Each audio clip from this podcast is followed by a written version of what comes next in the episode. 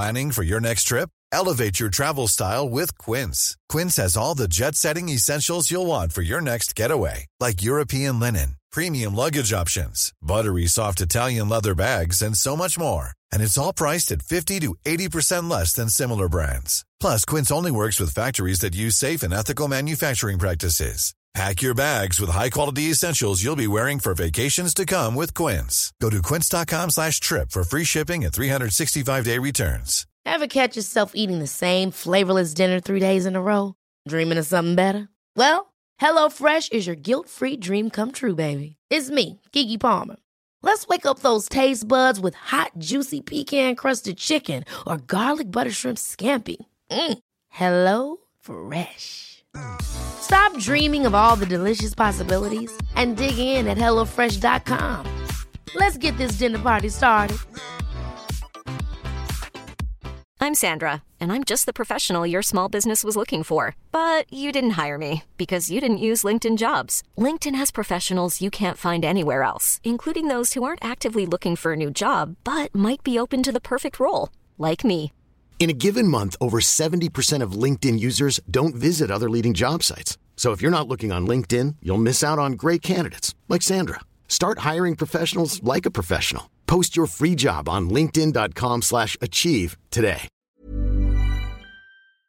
Bakom varje samtal av den här podden ligger flera timmars arbete och löpande kostnader. Podden kommer alltid att vara gratis för alla, men för den som vill finns möjligheten att donera pengar. Genom Patreon kan du på månadsbasis donera det du tycker att vi är värda. Du hittar vår sida på patreon.com samtal. För dig som kan och vill så går det även bra att swisha en donation på nummer 070-3522 472. Länkar och information hittar du på vår hemsida eller i poddens beskrivning.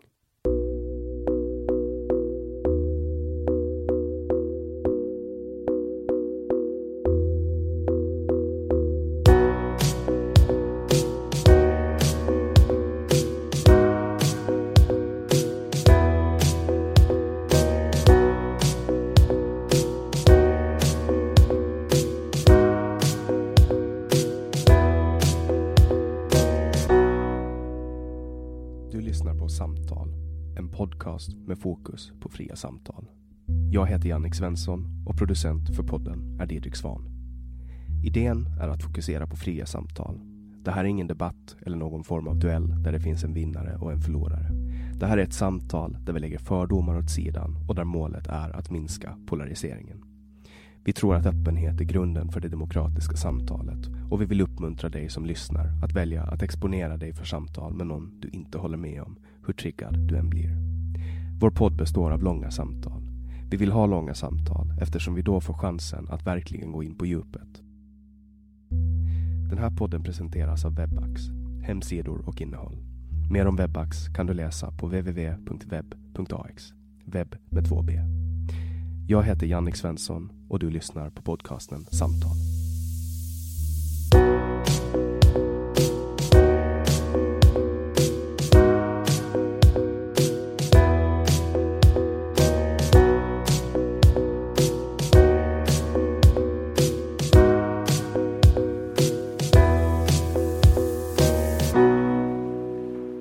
Henrik Johansson kommer från Dalarna och jobbar inom fackföreningsrörelsen. Han är medgrundare till bloggen Inte rasistmän och podcasten Haveristerna. Han definierar sig själv som antirasist och socialdemokrat. Välkommen Henrik Johansson. Tack. Så nu är du äntligen här. Det är ju andra gången som jag har med någon från Haveristerna på ganska kort tid. Men låt oss säga att vi har en anledning att, att spela in det här samtalet. Mhm. Mm, Ja, alltså dels- då? Nej men alltså dels så, eh, så är du en av få i Sverige som har en mikrofon som är kompatibel för att spela in med online. Eh, det är ju inte alla som har det. Nej. Eh, och och sen, eh, sen så har ju nyligen Roger Salström varit med i min podd och eh, det blev en del snack om dig där. Och som, eh, ja, som det goda hjärta man har så vill man ju låta dig uttala dig om det också. Så att på det sättet så är det väl lite aktuellt. Jag tänkte nästan säga att du hade brist på folk att intervjua nu. Nej, men det, sen är det ju också lite, jag har ju haft väldigt mycket människor som ligger höger till på den politiska skalan av den anledningen att folk till vänster inte vill vara med i poddar. Det har varit Mm. mitt problem hela tiden, även när jag spelar in på Åland. Så folk från vänstern är inte lika benägna att tacka ja av någon anledning. Vad tror du att det beror på? Det är två olika saker. De som är duktiga på opinionsbildning. Eller de, en, ett visst skrå av de som är duktiga på opinionsbildningen. De är inte dumma nog att falla i, i fallgropen av att konstant vara i konflikt med någon. Utan de är... Eh, de sköter sitt eget skit och kör sin egen opinionsbildning. Och så kör de bara det i döddagar. Det kan man komma jävligt långt på. Eh, lite beroende på vad man, alltså vad, vad man verkar inom. Om du jobbar för opinionsbildning i den formen av att du ska påverka eh, påverka lagstiftning och så vidare, då kommer du till slut få möta någon. Och det, den, då, då riskerar det att få en bra jävla backlash i röven. Och där tror jag att det finns en hel drös inom vänstern som befinner sig. Att de, de skiter fullständigt i dig och din podcast och lika mycket i min podcast och så vidare. Eh, samtidigt som på högern så det är inte, det, det, jag tror att det är ganska lika där också, men man är lite mer benägen att vandra runt i olika typer av poddar. Mm. Men Men nu jag skulle- om det i ett avsnitt om, om den här rundgången som finns. Ja. Du är eh, en del av den. tycker du? Ja, nu är du det. Ja, nu Nu är jag absolut. Ja, men vi, ja, men jag har för mig att vi nämnde den här podden då också. Som Ja, ni, en del i rundgången. ni sa Nej, att men- ni satt med kuken framme. Ja. Varje gång Axel sa neger. ja, nej men, jag, det, ja, men alltså, jag ska väl inte dra ut på det. Jo, men jag tror att det finns en, ett viss övervikt att eh, högerfolk är mer benägna att hoppa runt. Jag tror inte man har haft tillgång till samma plattformar tidigare och man har varit tidigare ute med att uppfinna den här typen av rundgång som ändå så når till jävligt många människor. Mm. Så att man Ja. ligger ett steg före. Jag tror att eh, det finns viss typ av opinionsbildare som du aldrig kommer få att sätta sig i sådana här poddar. För de är inte intresserade av vad du och jag har att säga. Kör sitt eget race, rätt eller fel. De tror ju att de har rätt. Till exempel ta en organisation som Porrfri Barndom eller paret Rung. Jag tror att du har väldigt svårt att få dem att dyka hit. Däremot så kommer Navid Modiri förr eller senare förmodligen få någon av dem att eh, hänga på. Tror du det? Ja, jag tror att han har fått så, så pass stor räckvidd att det blir, det blir lite jobbigt att tacka nej. Det är för mycket och han säger inte emot så mycket. Så det är ganska ofarligt att sätta sig där. Haveristerna, det måste ju vara Sveriges största vänsterpodd. Det vet jag inte. Det skulle jag inte tro. Jag tror att du har ju så här en varje söker sin podd. Eh, du har ju en bunt eh, andra. Jag, men det, det är ju oftast är det svårt att få fram någon typ av eh, lyssnarsiffror på dem. Vi har runt eh, 20 000 just nu eh, stabilt. Och sen finns det ju avsnitt som går mycket, mycket högre.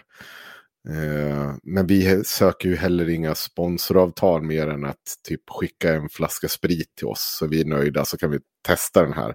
Smakar den skit så kommer vi berätta det för folk. Det är liksom den typen av deal. Och det är inte så mycket till sponsor mer än en, alltså det är mer en recension av spriten. Ja, det visar ju hur extremt dåliga ni är på att kapitalisera på ert nätverk. Jag menar, ska ni vara, ska ni vara eh, ingrodda kapitalister så ska ni veta att de skrattar en, hela vägen till banken när ni gör reklam åt dem för en flaska sprit. Liksom. Så jag vet inte om jag skulle kalla mig dålig kapitalist med tanke på att vi drar in ungefär 23 000 per, alltså, per avsnitt just nu. Alltså det, det blir ju ett par slantar i månaden. Jo, men ni, ni skulle kunna dra in ni skulle kunna dra in ännu mer om ni sålde reklamplats som Hur kan vi göra till exempel. Vet du vad, då, tro, då tror inte jag att vi hade kunnat dra in pengar på Patreon. Då tror jag att folk hade slagit lite bakut. För då tycker de att ni får ju redan pengar för reklamen här. Och jag är hellre oberoende i den, alltså så jag vill inte sitta och... Det värsta jag skulle kunna tänka mig då, att sitta verkligen där och bara dra av liksom kryappen i någon slags annonsgrej. Ja, för fan, då hade jag ju sett och skurit mig själv i armlederna samtidigt. Det, det, kommer liksom inte ske. Och det är inte bara så här, så att det finns en så djup ideologisk övertygelse. Utan det är det här att jag ska tvingas säga någonting som jag inte riktigt köper. Mm. Jag, den, jag har lyft på svansen lite för högt för att hålla på med sånt. Mm. Det är samma som att vi, vi bara förutsätter ju att någon kommer försöka skicka eh, Skatteverket på oss. Och det, var liksom, det insåg vi direkt att det, det är inte lönt att ens försöka med något sånt där. Utan det är bara att se till att betala skatt och göra rätt för det.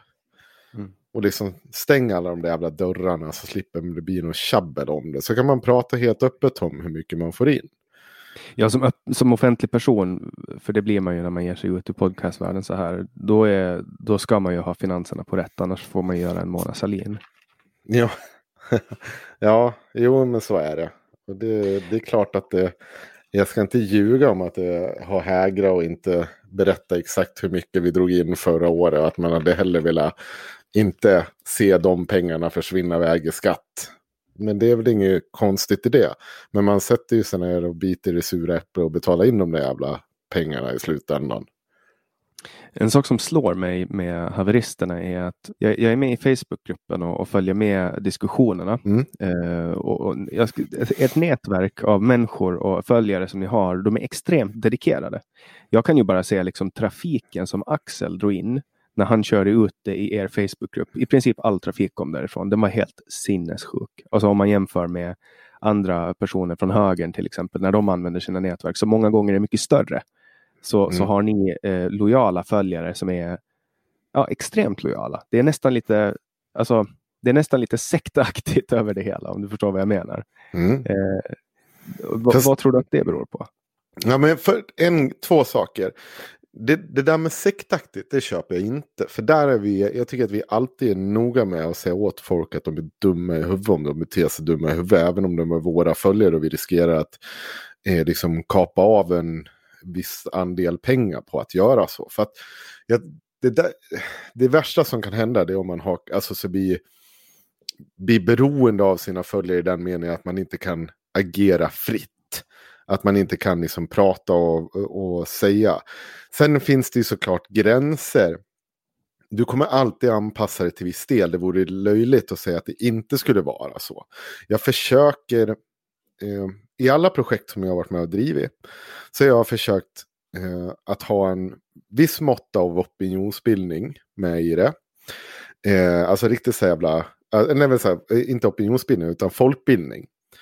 Eh, men också att försöka bygga ett community kring det. Alltså att folk ska känna sig som en del av verksamheten. Även om de kanske inte får vara med och bestämma över allting som sker jämt och ständigt. Men vissa grejer får de vara med man, man försöker vara så transparent och så närvarande som möjligt. Och när du gör det, då tror jag att du får ganska lojala personer som liksom hänger med och, och lyssnar på det du gör och Eh, kan även kriga för det. Men det där är ju också en grej då som jag tycker är ganska svårt.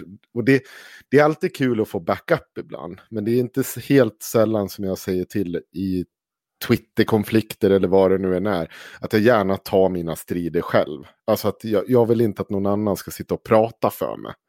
Utan jag pratar för jag.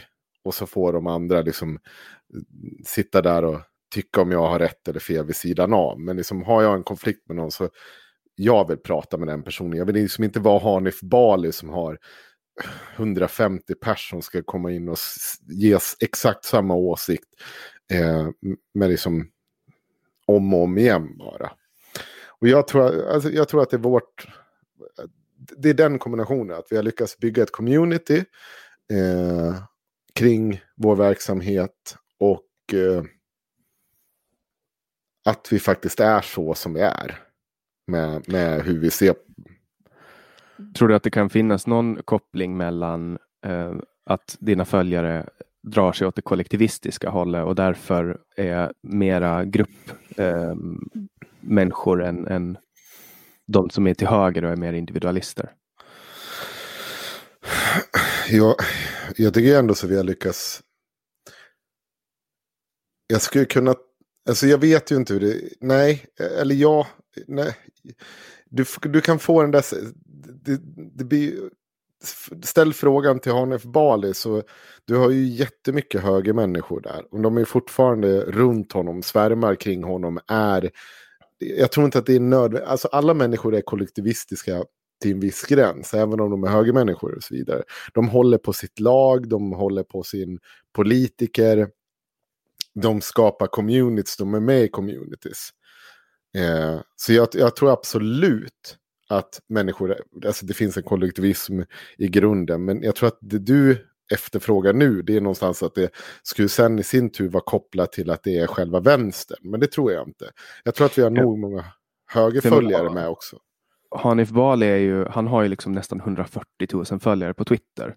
Så han är mm. ju han är ju extremt mycket större än, alltså han har ju mycket större reach. Så att han kommer ju mm. alltid att få flera människor som, ja, men som hoppar in och, och, och liksom skyddar honom. och så vidare. Ja, men han också, bygger också community via Twitch. Han, han är ju ganska bra på att interagera med sina, försökte igång, dra igång den här Discord-kanalen med Sons of Bali och grejer han gör ganska mycket sånt där han också. Jag tror inte att det...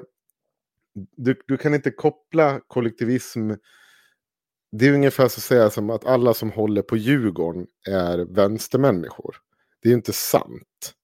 Utan alla är ju kollektivister kring Djurgården. Men det är inte nödvändigtvis delar den, politisk, alltså den politiska kollektivismen i form av att vi vill ha det här i gemensamma välfärden och så vidare. Jag tror att det blir mer som att heja på ett lag. Men det är ju också, kollar man till exempel på människor som är individualistiskt lagda så är det mycket större sannolikhet att de kommer att jobba med, eller så här, om, om man kollar på eh, småföretagare så är det mycket större sannolikhet att de är eh, individualistiskt lagda än om du kollar på folk som är anställda inom offentlig sektor. Då är det mycket större sannolikhet att de är eh, kollektivistiskt lagda. Förmodligen.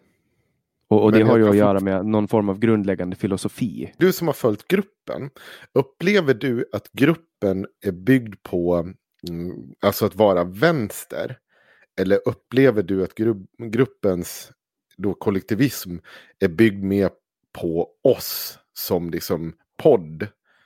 Eller känner du att nu har jag kommit in i liksom världens vänstergrupp? Det, jag, jag, kan ju förstå att det finns förmodligen ett övervägande av trådar där det finns här, traditionella vänsterämnen berörs. Och sånt som går emot vänstern är anses som klandervärt. Men tror, när du väl sätter och tittar på det stora hela, jag får ju inte uppfattningen att man kommer dit för att man nödvändigtvis är vänster, utan det är snarare att man tycker att vårt sätt att se på samtidens politik och hur vi uttrycker oss kring den. Det är det man tycker är roligt, det är det man bygger det kring. Och där kan man lika gärna dyka in som liksom ganska blå individ och inte känna att det är som att känna att den har en plats där inne. Nej men alltså så här, jag upplever ju att Kolaklubben i den gruppen, det är, då är man vänster. Om man öppnar munnen, om man så mycket som sätter fram näsan, så, så, får, man, så får man höra liksom. Alltså om man inte är vänster. För dem är det ju en, en självklarhet med massa olika saker som för mig inte är en självklarhet. Och jag kunde, någon gång så la jag en länk till exempel och då fick jag svar direkt. liksom. En libertarian som typ så. Att folk liksom um, Coola klubben är helt enkelt vänster och vill man slåss då kan man säkert vara fri där. Men jag brukar inte posta i grupper där det finns till 80% meningsmotståndare. Därför att jag orkar bara inte bli lynchad. Om du förstår vad jag menar. Så att jag, jag känner inte att det är högt i tak. Däremot tycker jag att ert sätt att um, ta diskussionen, jag är fascinerad över att ni har liksom inkorporerat det här ungdomliga språket som, som vi höll på med när jag var liten. Alltså, ni, jag känner ju igen den retorik ni använder, därför att så där höll vi på när vi var 14-15 vi kallar folk för dumma jävla horor och vi liksom, det var en sån här diskkultur. Och på något sätt så känner jag mig hemma i den. Den väcker liksom min lekfullhet. Eh, och jag, jag, älskar allting som går emot det etablerade. Eller jag, jag, älskar inte alltid, men jag tycker att det är refreshing. Typ Donald Trump. Jag älskar hur han bara Alltså såg du det här klippet där någon, någon sa att han var en journalist sa så här, ja men du är rasist för att du eh, säger att eh, corona kommer från Kina. Han bara, men it comes from China. China. Tjena! Och så gör han så här helt sjuka saker på en presskonferens. Det är liksom, det, det är inte anständigt. Det är, liksom Fast är inte det, med, är inte det med fenomenet att man, det här med bilkrasch som man inte riktigt kan titta bort? Nej, så jag känner jag när jag tittar på honom. Jo, men jag tycker det är så kul att se att det finns människor som bara liksom bryter mot hela Uh, alltså all, alla regler. Jag förstår. Och det, jag tror också att det är många som tycker att det är på något sätt befriande. Uh, som sitter och drömmer lite om. Alltså som sitter med kuken framme när de hör någon säga horunge. Och tycker det är jätteroligt. Men to be fair så är det ju i princip bara Axel som gör det också. Alltså det är ju det är en dynamik mellan oss tre som gör allt det här. Och jag menar, hade det inte varit så att liksom, ibland vi säger ifrån på fullaste allvar. Att vi tycker så här, men nu går vi över en gräns. Nu vart det där. Det där var ingenting vi sa. Så hade vi inte kunnat haft.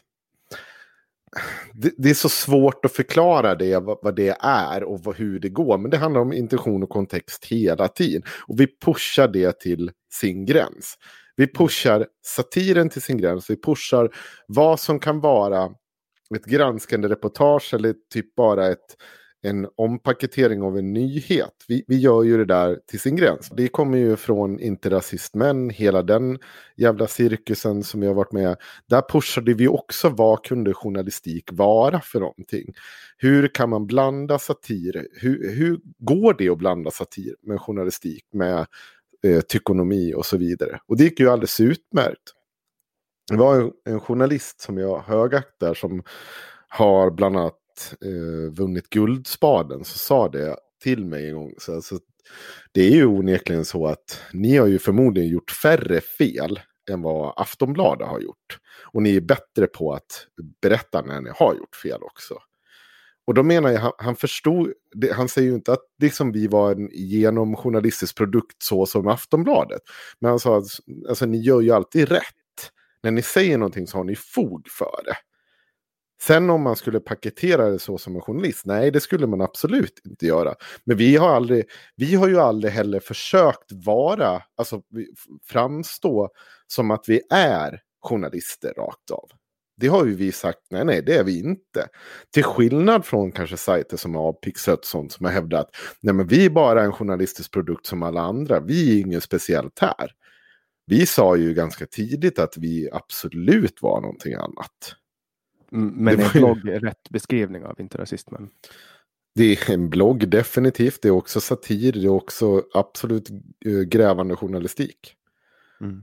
Men för, jag, det, det jag mest... för, för ni faller ju precis i enlighet med mina värderingar när det kommer till journalistik. Jag tycker att, att journalister ska vara öppna med var de står personligen så att man som läsare kan ta ställning till deras bias och lättare förstå. Mm.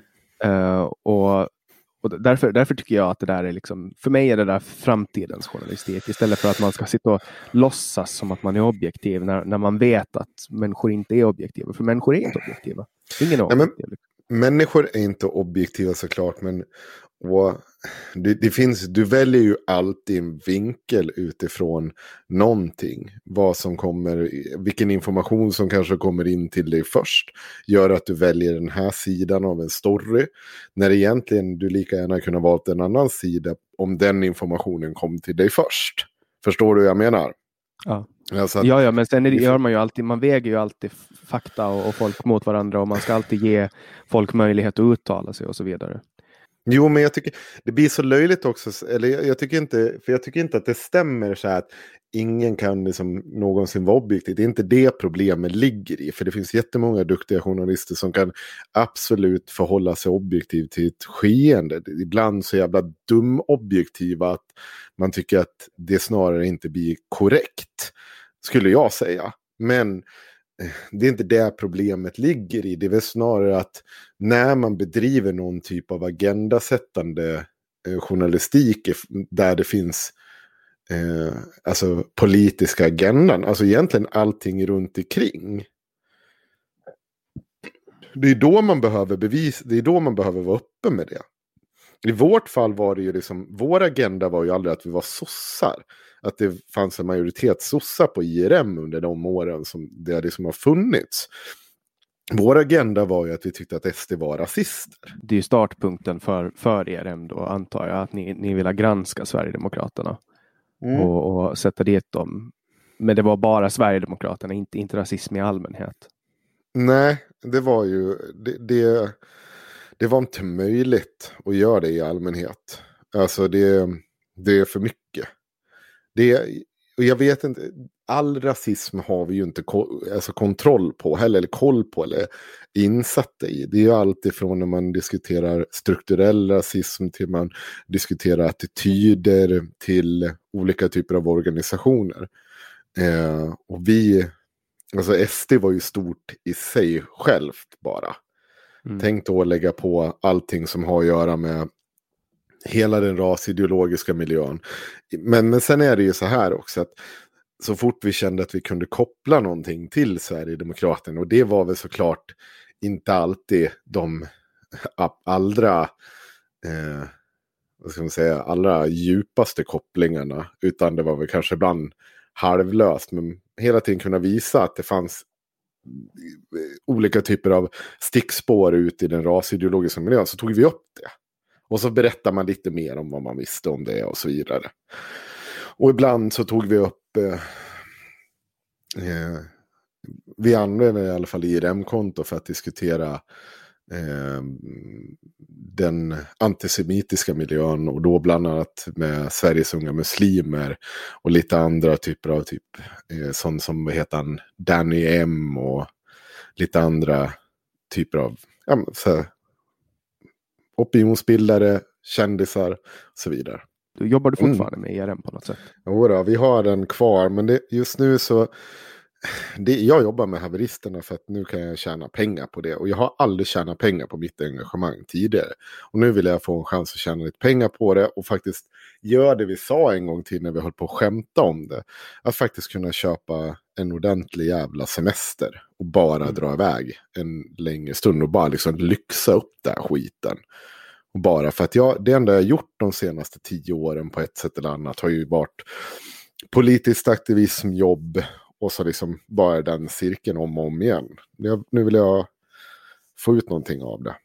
Mm. Och du jobbar till vardags då, civilt med fackföreningsrörelsen på något sätt?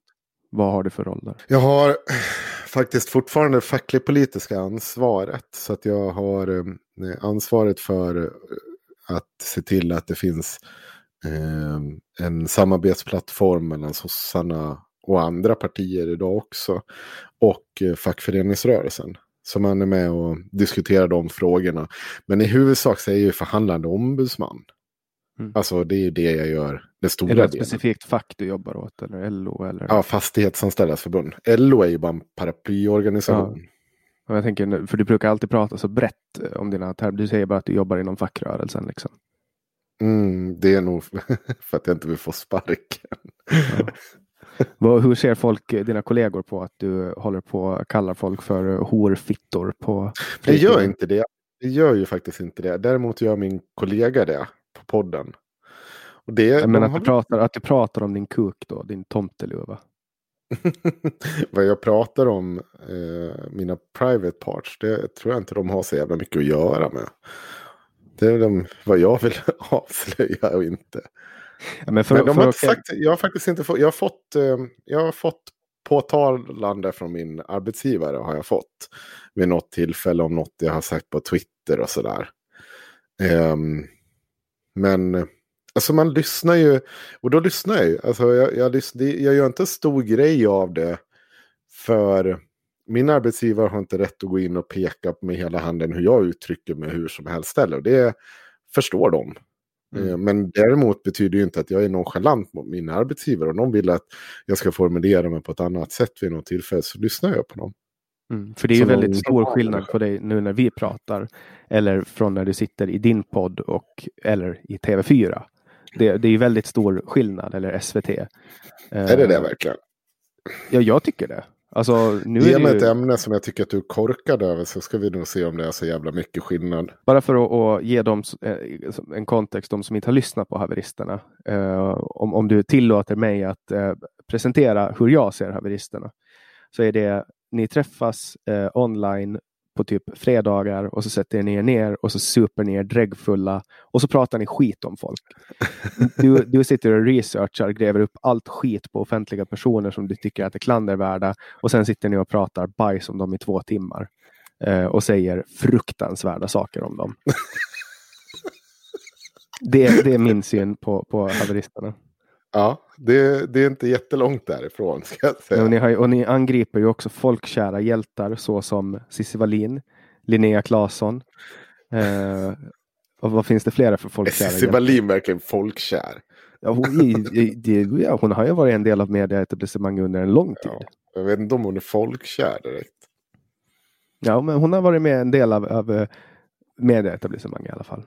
Hon mm. var ju ett stort Eh, det var ju en stor grej kring henne och hon har ju liksom, hon har ju hållit på hur länge som helst. Men, men det gör ni, alltså men Linnea Claesson, hon var ju, alltså ja, ja. hela den biten. Och där har ni det, det är väl därifrån ni har fått, fått likes från högern för att ni attackerar vänstern. Mm. Det är väl det som folk gillar med det. Men grejen är det där, kan jag, jag vänder mig ju starkt emot att Linnea Claesson är någon form av vänster. Jag har ju faktiskt gått och lyssnat på hennes eh, närmare två timmar långa föreläsning. Och eh, alltså hon, hon gjorde ju en sån där typ kungen, kära örebroare. Eh, hon gick ju och ställde sig och sa att vi var opolitiska och sånt när hon stod inför hela LO-kollektivet. Och, alltså hon har ju inte koll på någonting om vad vänstern sysslar med eller den politik de bedriver. Men jag, alltså jag har inget problem med att man identifierar henne så som vänster. Men det blir, alltså jag, det är ju inte henne jag håller fast i när det blåser hårt om jag säger så inom vänsterrörelsen. Nej, men hon har ju gått, hon har ju gått identitetsvänsterns vänsterns ärenden. Så till, till den delen så, så, kallar jag, alltså så definierar jag henne som vänster. Identitetsvänstern, jag vet inte. Gud, det kliar i mig när du säger identitetsvänstern. Det är... Men du vet vilka jag menar, eller hur? Ja, jag vet exakt vad du menar, men jag tycker inte att hon är inte en del av någon identitetsvänster heller. Det ska jag faktiskt inte sträcka mig. Och det är inte där tycker jag det är för att hon inte ens, den politik du tänker på, de som pratar om rasifiering, de som pratar om olika typer av eh, eh ja, feministiska idé, eh, idéer och så vidare. Har jag, är jag rätt ute? Ja men typ, alltså när det kommer till alltså, hela den här narrativet kring, alltså allting i Linnea Claessons eh, karriär har ju handlat om att hon blir utsatt för sexuella trakasserier. Och det är det hon pratar om. Och hon har ju dragit till sig en stor följarskara från folk där hennes historier faller i god jord med deras narrativ. Men det, egentligen borde det väl falla i god jord hos alla. Skillnaden är här att eh, det faller väl lika god jord hos SD som säger sig värna alla våldtäktsoffer. Men den stora skillnaden är att de identifierar henne så som vänster och så vill de inte ta i henne med tång. Men det är ju samma jävla skit ändå. Eller Moderaterna som också värnar det här med eh, hårdare straff och vi måste ta tag med alla de här våldsbrottslingarna. Bla bla bla. Det, det är liksom så här, samma skit överallt. Det är bara hur de har identifierat den här Claesson eller väljer att inte tro på henne. Då. Eh, så som jag har gjort. Narrativet om eh, utsatta kvinnor, det, det kan nog alla enas om inom politiken idag. Jag tycker inte att det betyder någonting i själva identitetspolitiken. I, I fallet Linnea Claesson handlar det så mycket mer om en människa som har byggt sin karriär på att påstå att hon är utsatt eh, på alla dess nivåer. Eh, och att det är mer en fråga där om att det finns människor som har köpt henne som en symbol för någon som står upp för kvinnor. Den här kvinnliga superhjälten som man gärna... Hon är lång, hon är reslig, hon har skojigt hår. Hon eh, säger snappy saker och man tycker att det är väldigt enkelt och roligt. Jag tyckte också att det var enkelt och roligt i början. Jag har sagt det så många gånger att jag följde henne för att jag tyckte att hon var bra i början.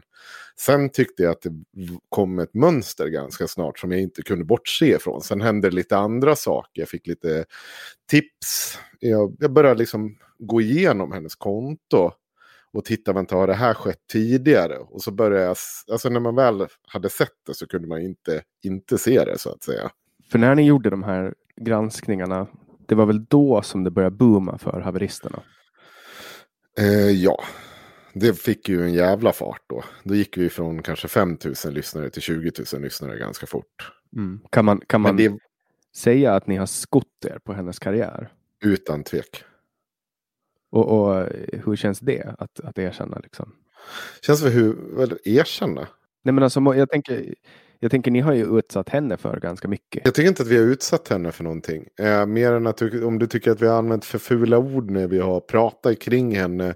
Eh, själva granskningen och det som har gjorts kring henne det är long overdue. Hon har klarat sig alldeles för enkelt genom den här resan. Och jag tycker fortfarande hon klarar sig enkelt ur det. Eh, jag tycker inte media har gjort den eh, rimliga bakgrundskollen som man borde ha gjort. Och jag tycker inte det finns jättemycket självrannsakan. Utan det här Men kommer det där har ju, så... tro, jag tror att det där har att göra också med, säg så här att, att Greta Thunberg helt plötsligt skulle bli världens mest korrupta jävel. Alltså hon skulle ge sig in i massa jävla skit. Jag tror inte Mm. att tidningarna skulle kasta henne framför tåget just på grund av att folk klickar så förbannat mycket på henne. Alltså, det tror jag. tror du att tidningarna skulle kasta Greta framför tåget? Jag tror att tidningar definitivt skulle kunna tänka sig göra det. Om... Eh,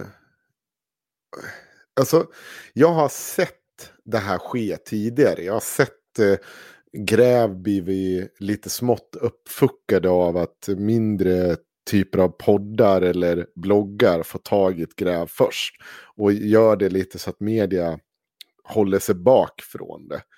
Eh, jag har sett hur det sker och att man känner att man, man inte vill ta i det de, alltså med det paketet som kommer. Jag tror att det var lite så med oss, även fast man var tvungen. Alltså det var så stort så att man var tvungen att diskutera oss också. Vi verkligen tankade oss igenom hela den grejen. Och bara, de, de, hela tiden var de tvungna att nämna oss. För att det vart ju också lite smålöjligt att påstå att det jag gör, att jag kunde liksom ha i så många år hållit på med det här. Och man har kunnat referera till oss, referera till mitt jobb, till mitt jobb, till mitt jobb, till mitt jobb, om och om igen.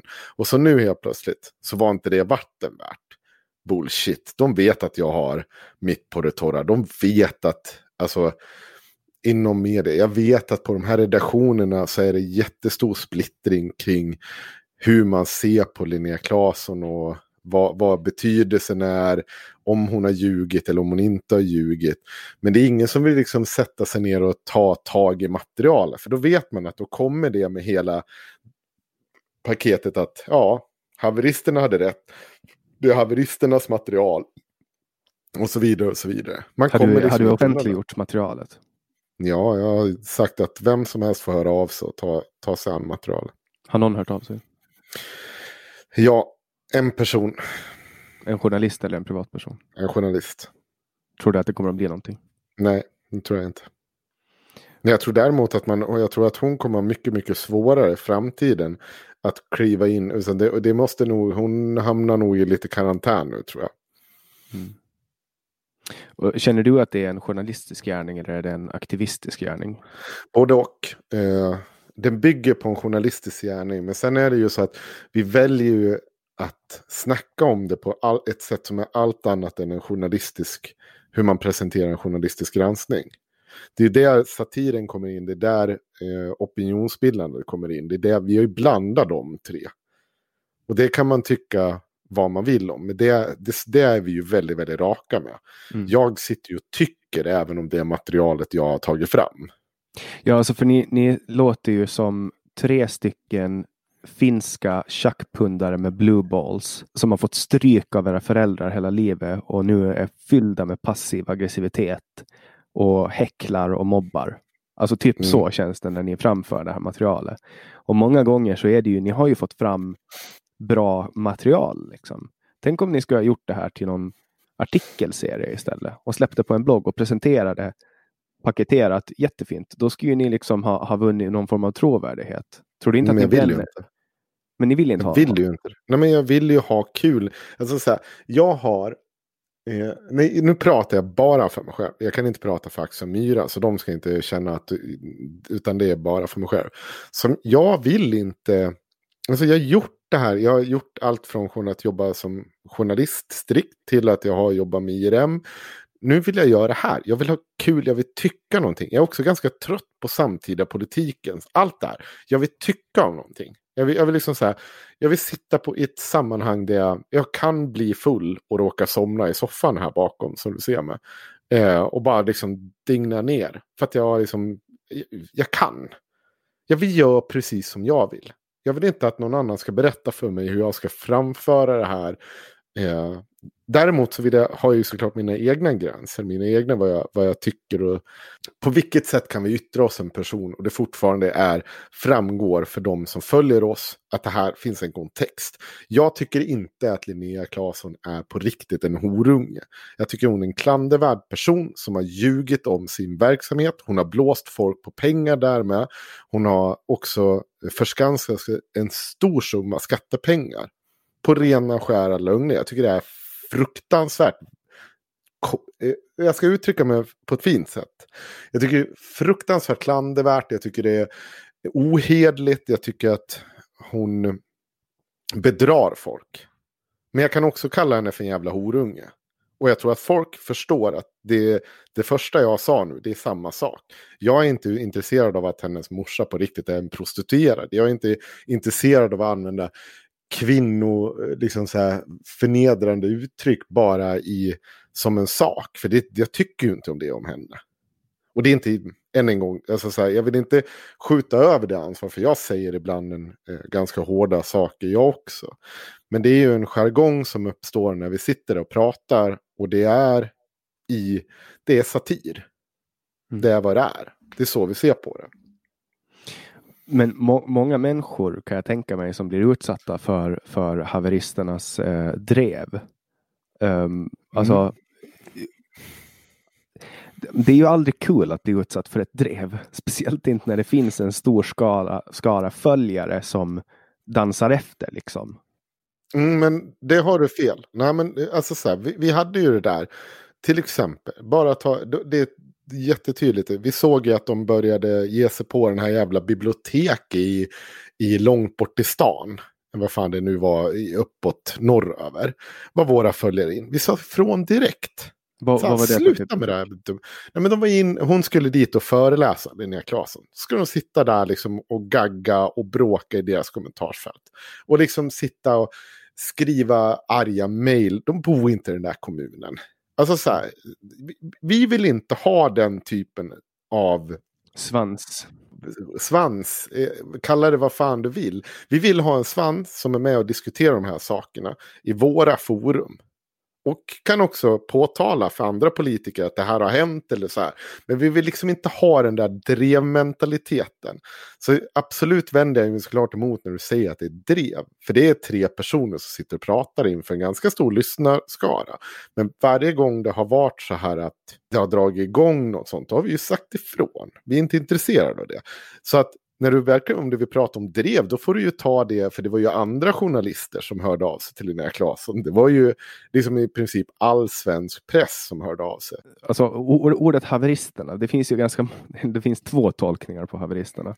Vad är din mm. tolkning av haveristerna? Det finns ju en som är fel och en som är rätt. Vad är en haverist för någonting?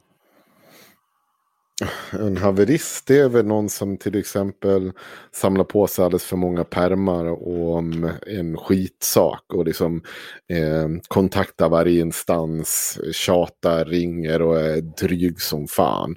Eller så havererar du liksom, du kanske liksom havererar i en relation eller ja, det finns ju hur mycket som helst. Men när vi pratade om det från första början så var det nog mer det här att en rättshaverist som bara liksom eh, håller på och härjar.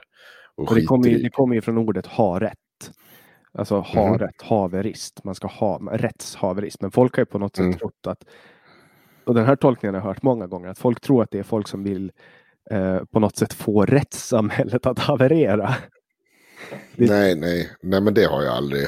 Utan det här är ju människor som liksom går, går till great lengths bara att eh, vara skitjobbiga. Mycket av det vi gör är ju inte jättemycket research. Utan det är ju bara, det mesta är ju är ju jättemycket alltså, tykonomi och att vi sitter och klipper ut, analyserar de här olika sakerna och skeenden som händer. Sen finns det ju det här att vi gör granskningar, ringer upp och gör intervjuer. Och det är klart att när man slår ihop allt det här och man gör fyra eller vad fem, fem avsnitt om det är klasen så framstår man ju som att man bara sitter och gör sådana här milslånga jävla havereringar och där man tjabblar och bråkar. Men det är inte riktigt sant. Mycket, mycket är ju bara att sitta och tycka saker och faktiskt klippa ut och förbereda sig något sånär och ha en tanke med det man vill framföra. Det finns ju ett, ett leg legendariskt avsnitt när ni har med Cissi Wallin och du hamnar i världens jävla fight med henne. Mm. Det, det, det, det var ju liksom underhållning på men det, jag tycker, det, ja, det, det är jättemånga som hänvisar till det. Men jag tycker ju att det fanns ju en anledning att det blev så. Det var ju för att jag tillät att vara så. Um, för jag visste ju vad jag hade sen. I avsnittet därpå så släpper vi ju 12 minuter där jag ringer upp och intervjuar henne. Den intervjun, då tar vi ju ner, då går ju allt ner till liksom att jag ringer och intervjuar henne. Eh, ställer henne en bunt frågor. Hon kallar mig både det ena och andra och det får hon göra där. Men då visste jag, jag hade ju liksom fog för, jag hade ju hela tiden fog för allt jag sa även i första avsnittet. Nej, men det var men ju så kul också, liksom... det, var ju, det var ju som en crash course i härskartekniker. Uh, alltså, det, var ju, alltså, det där ska man kunna använda på, på retorikprogrammet på någon högskola eller på en universitet. Liksom. Bryta ner och analysera det där samtalet. Eh, jag ja, absolut säkert. Det var, det var speciellt, men jag var ju... Eh, det var ju också så jag visste ju inte hur, hur jävla urspårad hon var. Alltså, så jag visste ju inte att hon bara skulle börja så här, beskylla en för ja, men det här jag har hört så här, helt ur det blå. Och jag visste ju om att det här har ju inte du fog för. Däremot så hade jag innan förberett mig ganska omfattande. Och jag visste att det skulle bli en del två. Eh, det fanns saker jag inte kunde gå ut med där och då. Och liksom så här, det vart ju som en trestegsraket. Först pratade vi om det, sen intervjuade jag henne, sen gick vi igenom alla hennes lögner och där gjorde en liksom avslutande intervju där jag faktiskt satt ner och frågade henne om sitt, varför hon hade haft svartarbete. Något hon hade nekat till i avsnittet där innan och så vidare. Allt det här visste jag om. Jag visste ju att hon ljög. Mm. Och om vi, om vi går tillbaks till dig då, vad har du för utbildning i grund och botten? Mm, elektriker. Så du har, du har helt bara swishat över till en helt annan mm. bransch? Hur hamnade du helt. in på opinionsbildning och politik och så vidare? Det alltså via facket. Det började med någonstans att eh, jag tyckte att facket gjorde fruktansvärt dålig opinionsbildning. Eh, och eh, så fick jag möjligheten att jobba som facklig politisk assistent på IF Metall. Och där gjorde jag nog ett av de första gräven jag någonsin har gjort också. Och det var lite intressant för du pratade om det här eh, vi, i ditt avsnitt tror jag med Axel. Du pratar om Håkan Juholt mm. och hela storyn kring honom. Och där gjorde jag eh, egentligen ett gräv. Jag pusslade ihop lite olika saker från lite olika sajter. Och eh, kunde visa att det var ganska dålig journalistik av Aftonbladet. Och jag blev så ställd kring att en seriös tidning och en journalist som sen går vidare och fick, jag kommer inte ihåg vad det var för pris hon fick för bland annat den här granskningen.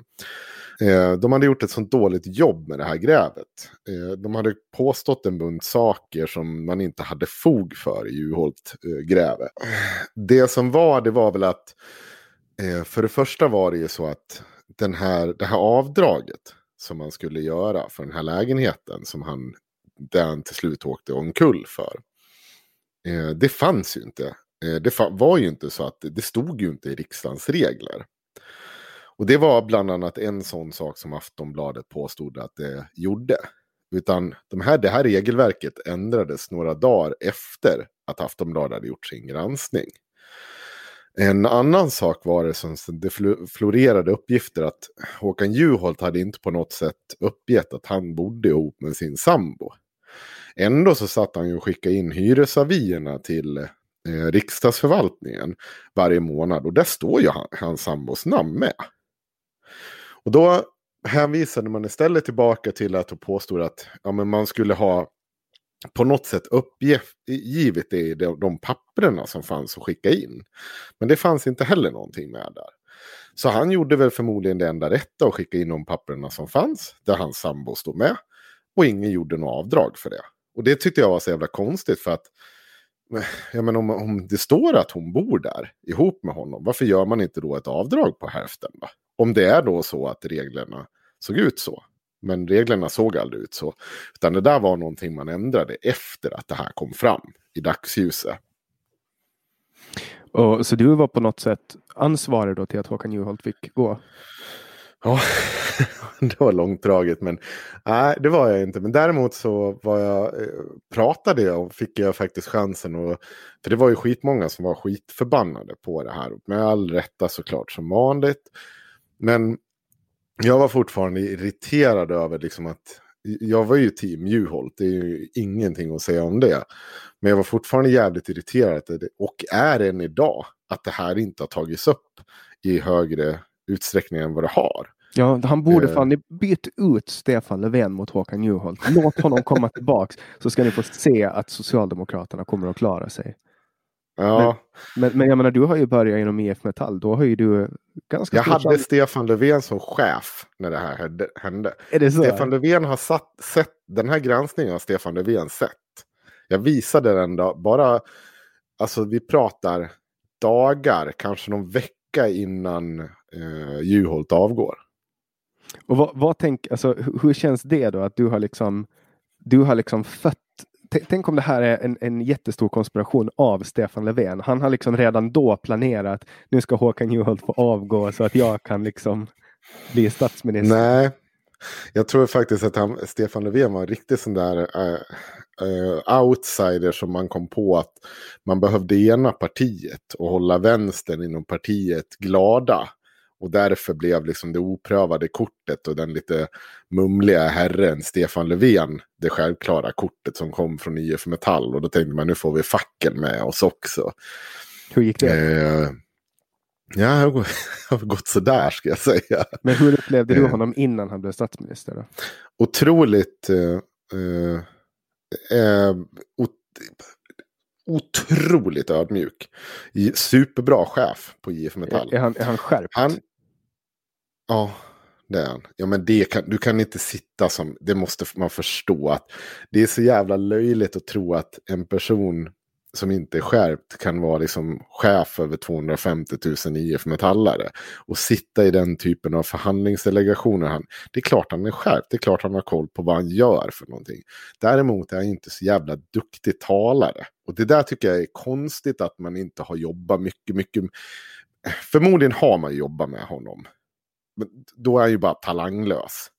Han borde ha blivit bättre vid det här laget. Ja, man tycker det, men, men jag menar, han, är ju, han är ju kanske lite mer praktiskt lagd. Mm. Förmodligen. Eh, och jag menar, det är, ju, det, är ju, det är ju inte lite press att ställa sig upp och så ska man liksom leda 10 miljoner människor samtidigt som man har ansvar över utrikespolitiken. Det är ju liksom inte en, det är inte en liten grej.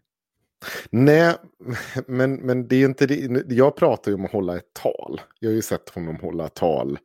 Liksom både för det lilla och det stora. Alltså han, han är ingen jättebra talare. Han har inte haft bra talskrivare runt omkring sig heller, ska jag säga. Men nu har ni börjat plocka från, från Aftonbladet. Uh, har vi? Ja, han har en talskrivare. Vem fan var det då? Daniel Svedin? Jag vet, skit samma. Han är fortfarande ingen, han inte, levererar inte talen bra. Så, alltså, poängen är så här. Han är en otrolig, han kan kompromissa, han kan eh, verkligen, han är en skicklig, eh, den typen av förhandlare. Det, det är ju inget snack om saken. Sen kan man ju ha en massa åsikter. Jag, jag tycker personligen att han är, jag, alltså det, resten är ju en partifråga vad partiet har tagit vägen och vad det är idag. Mm. Eh, sen, och där har jag jättemycket, eh, det är ju ingen hemlighet, alltså, så att jag har varit superkritisk. Jag tycker ju att Stefan Löfven borde avgå nu också. Nu, visserligen, beroende på hur den här krisen hanteras, så kan han få, alltså så ska man inte, alltså då kan sossarna få ett uppsving. Om ja, de har, det, det har ju redan gått lite på... positivt i opinionen nu. Ja, att vara riktigt cynisk så att om coronakrisen, om, om Tegnell och Folkhälsomyndigheten och alla där, alltså, om de lyckas lösa det här på ett bra sätt, hålla ner den här kurvan de pratar om, samtidigt som vi håller ekonomin något sån här flytande och den kan starta om sen på ett bra sätt, då finns det risk att eh, det blir en riktigt, riktigt stöt mot både Sverigedemokraterna och eh, Moderaterna. Men sen ska man komma ihåg att eh, de har en motståndarsida som är väldigt duktiga på att kapitalisera på fel som regeringen gör. Så att det, det kommer bli en supertuff fight tror jag. Nej men det ska man också kolla, alltså Socialdemokraterna var inte dåliga i opposition heller. Så att, alltså, det är alltid lätt att sitta i opposition. Det enda man behöver mm. göra är att sitta och hitta skit och blåsa upp det så stort man bara kan. Mm. Jo, så är det. Och, och, jag, tror att det ska uh, vara, jag tror att det ska vara mest gynnsamt, åtminstone nu, det ska vara mer gynnsamt för Socialdemokraterna att ha satt sig i opposition och, och, och pulvra sönder en alliansregering i fyra år istället för att ha gått in i den här minoritetsregeringen. Det, men det är bara vad jag tror. Det håller jag ju med. Jag, jag, jag sa ju klart nej. Vi skulle inte ha tagit ansvar för den här politiken som vi har fört. Det, det får de som vill driva den göra. Om vi säger att vi inte vill driva den politiken, då ska vi heller inte ta ansvar för den politiken. Så är det bara. Eh, däremot, så, med facit i hand, så sitter vi fortfarande med en eh, coronakris nu. Och lite beroende på hur den går så, så är jag inte Alltså jag måste ju vara praktiskt lagd och se vad som har hänt också. Jag kan inte bara låtsas som att inte det sker. Om Stefan Löfven med regeringen gör det här bra, lyckas ta oss igenom det här, medan andra länder inte gör det, ja då, då finns det fan en risk att de får en uppsving som inte vi kan föreställa oss riktigt. Men jag tror att det största misstaget sossarna kan göra då, det är att tro att det beror på deras liksom, överhängande ekonomiska och långsiktiga politik. Det kommer det ju inte jag, utan det kommer ju vara en stor händelse. Sen kommer det inte vara någon mer sen. Man kommer ju fortfarande falla tillbaka i det du sitter och vill åt nu, att du tycker att Stefan, eller Juholt ska komma tillbaka för att det här är bara bla bla. Ja, han vann, han vann mig på grund av sin skärm. Jag har ingen aning om var han står, alltså rent ideologiskt eller hur hon ställer sig. Vänster. Jag, ja, men det är såklart att han är vänster, det utgår jag ifrån. Men han, han var i alla fall charmig. Han var en liksom han var charmig och det är mm. det enda man. Det är ju det man köper som, som väljare. Nu är ju inte jag en väljare i Sverige, men eh, mm. jag köpte hans offentliga personer för att han var rolig helt enkelt. Mm. Han var kul. Han gjorde glasstest med Aftonbladet och sådana saker. Eller om det var, och, och, jag menar, tänk dig Stefan Löfven eh, stå och göra ett glasstest på någon glasskiosk. Fast han uppfann ju den halvgräddade pizzan. Den halvgräddade pizzan? Skam. Vad är det då? Jo men har du inte sett den när han, när han, köper, han är och köper en halvgräddad pizza. Så tar han med den hem och så gräddar han den precis klart när han kommer hem. För då blir den som nygräddad. Var det Stefan Löfven som uppfann det eller var det Nej, det kanske inte han som uppfattade det, men det är han som populariserade det i alla fall. Jag har inte sett när Filip och Fredrik gjorde intervju med honom innan valet. Det är då han gör det här. Jag, nej, jag har inte gjort det alltså. Det, det, det nej, kommer okay. ihåg det. Ja. Nej, det låter, det låter ju som en, en grej i alla fall. Men... Jaha, nu, mm. nu tänkte jag att vi ska hoppa in på det jag har väntat på. Eh, mm. Det är din eh, gode vän Roger Salle Salström. Du har ju hört eh, samtalet som jag har haft med honom nu. Mm. Vad, jag hörde vad, det idag. Och vad, vad känner du? Vad är din eh, uh, känsla? Vi, vi, vi ger lite kontext. Vi låter dig presentera Salle. Uh, för lyssnarna som inte har hört eh, förra avsnittet av den här podden. Mm. Roger Salle Sahlström är en person som har återfunnits egentligen i allt från det lilla till det stora. Han uppmärksammades först eh, av någon lokaltidning när han satt och kampade i eh, vad heter han, Lars Vilks trädgård. För att skydda honom tillsammans med sin hund. Och Lars Vilks var då den här konstnären som gjorde en rondellhund ja. Mohammed och fick Precis. en på sig. Och det är väl den första gången eh, Roger blivit så uppmärksammad i riksmedia. Eh, sen har han hoppat in och ut ur olika typer av kontexter, bland annat Sverigedemokraterna, Dispatch International, Nya Tider, avpixlat, eh, exponerat. Han har återkommit till den rasistiska och i många gånger den, alltså så här, ska säga, rasideologiska eller rent av konspiratoriska miljön som finns ute på nätet och i alternativmedia. Han eh, är fotograf och eh, skriver ganska bra när han väl skriver. Och, och alltså, så han kan ju skriva, det är ju ingen snack om saken. Eh, men som sagt, gång på gång hittar vi honom i de här miljöerna. Och vad var det du sa? Han har väl var det 300 000 tweets eller någonting. Jag tänkte faktiskt, jag glömde av att jag skulle ha kollat upp det. Ja, men det, det är 300 000 tweets någonting. 300 någonting. Ja, men det jag tänkte på, hur, ehm, på hur länge då? Vad när startade han sitt konto? Det, det vet jag inte, men det är väl 2010? alltså tio år han. Ja. Nu ska vi se. Ja, det är mycket. Ja, Det är 30 000 tweets i år. Fan, ser du hur många tweets? Ah, skit i samma. Vi kanske det är bara han som kan se det nu. Men det är i alla fall 2500 tweets eh, per månad. Är det det? Ja. Ja, det är sjukt Det är mycket. 83 tweets om dagen. Ja, jag vet. Om- om min matte stämmer. det. Fattar du? Snitta det varje dag i tio år. Han... Ja, det- eh, Mm. Fy fan. Det, var, det är helt sjukt. Han sa det för övrigt eh, i, i din podd också. Jag ska bara tillägga. Han sa att han nådde 5,5 miljoner. Jag var tvungen att gå in, för jag varit lite så här bara, oj, det låter mycket. Så jag, var, jag har inte varit inne och kollat på den där statistiken, så jag var inne och kollade på mig själv. Eh, jag hade nått, jag når 2,5 miljon. Så På hälften av honom. Twitter? Ja. Men då får man ju, alltså jag är ju inte ens i närheten av hans, alltså hur många han bara pumpar ut i tweets. Men ni är ju väldigt olika slags twittrare. Ja, jo, så är det. Det är, ju, det är ju alltid skillnad. Och sen är det ju alltid skillnad på målgrupper också. Hans målgrupp det är ju liksom en helt annan än din. Alltså när du, när du twittrar då blir det ju något jävla slagsmål någonstans.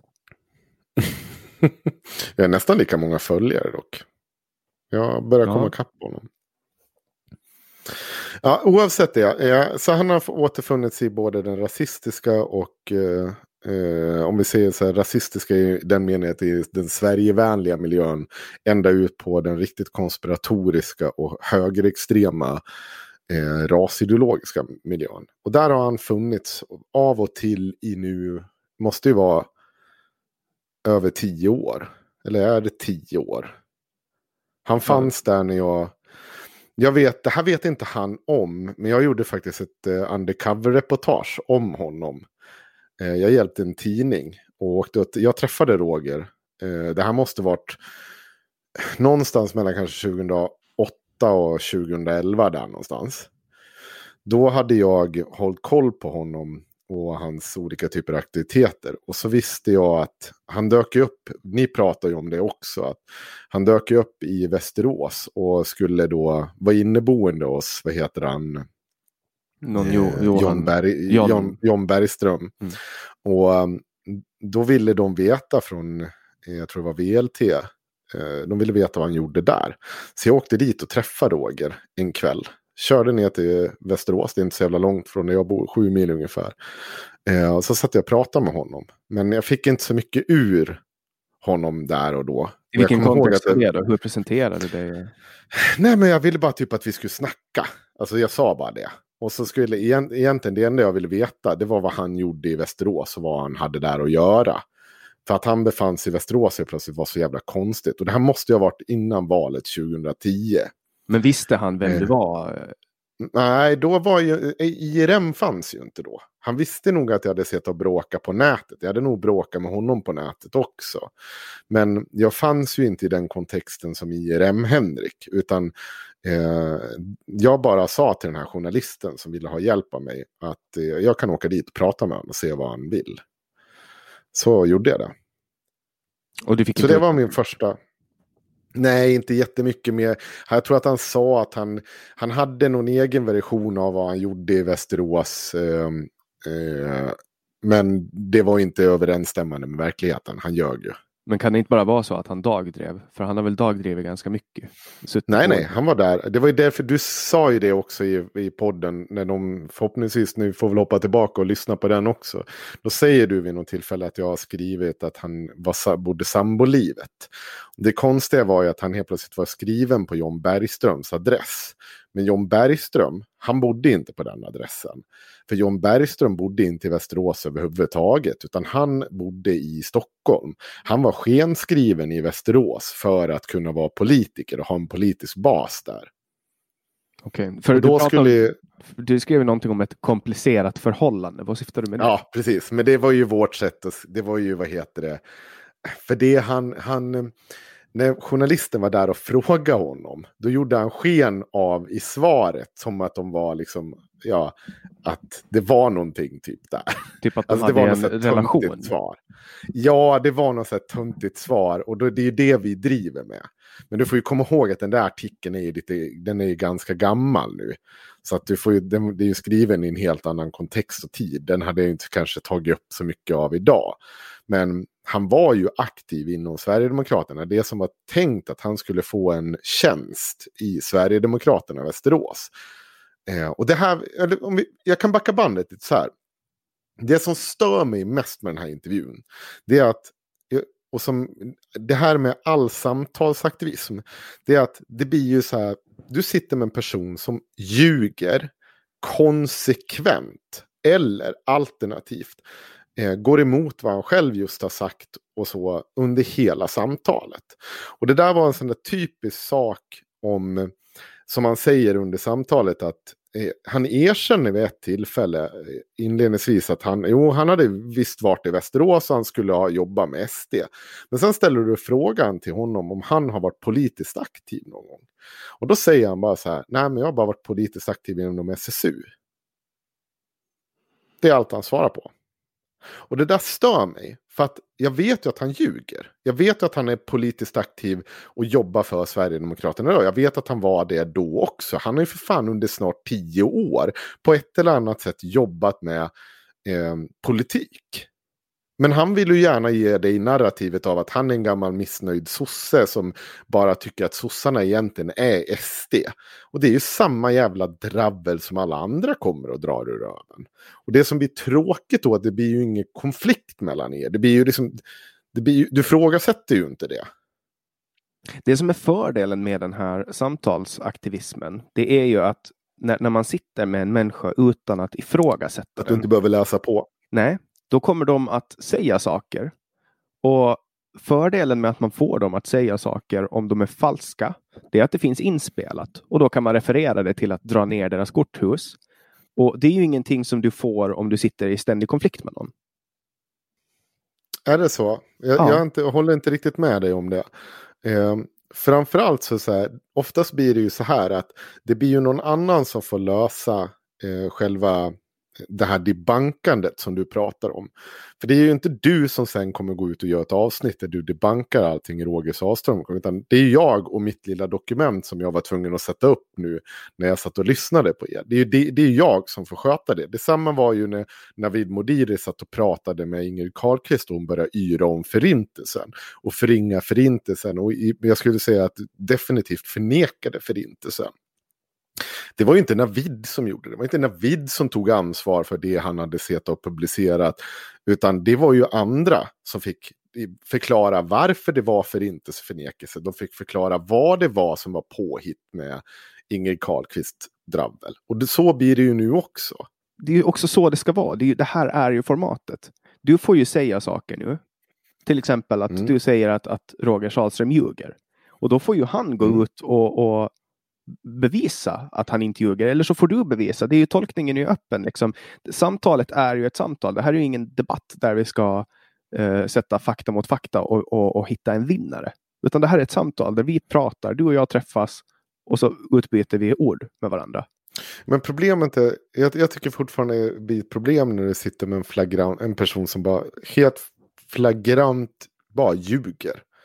Om inte det finns någon då som säger emot, alltså så, som, som kan den här personen eller kan gå emot, då, då händer det ju inte. Det enda du har gjort då, det är att gett honom en plattform för att ytterligare sprida sina lögner.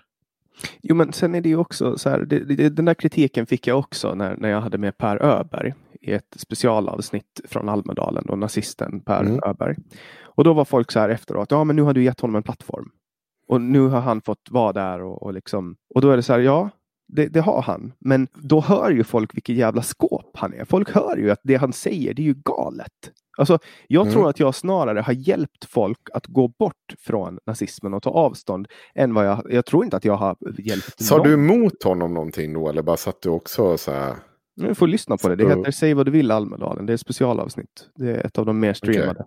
samtalen. Det är så här, jag frågar honom. Det är klart att jag ställde honom frågor. Då var det ju mer. Jag föll in lite i den journalistrollen. Det var inte så att jag samtalade med honom utan jag ställde frågor.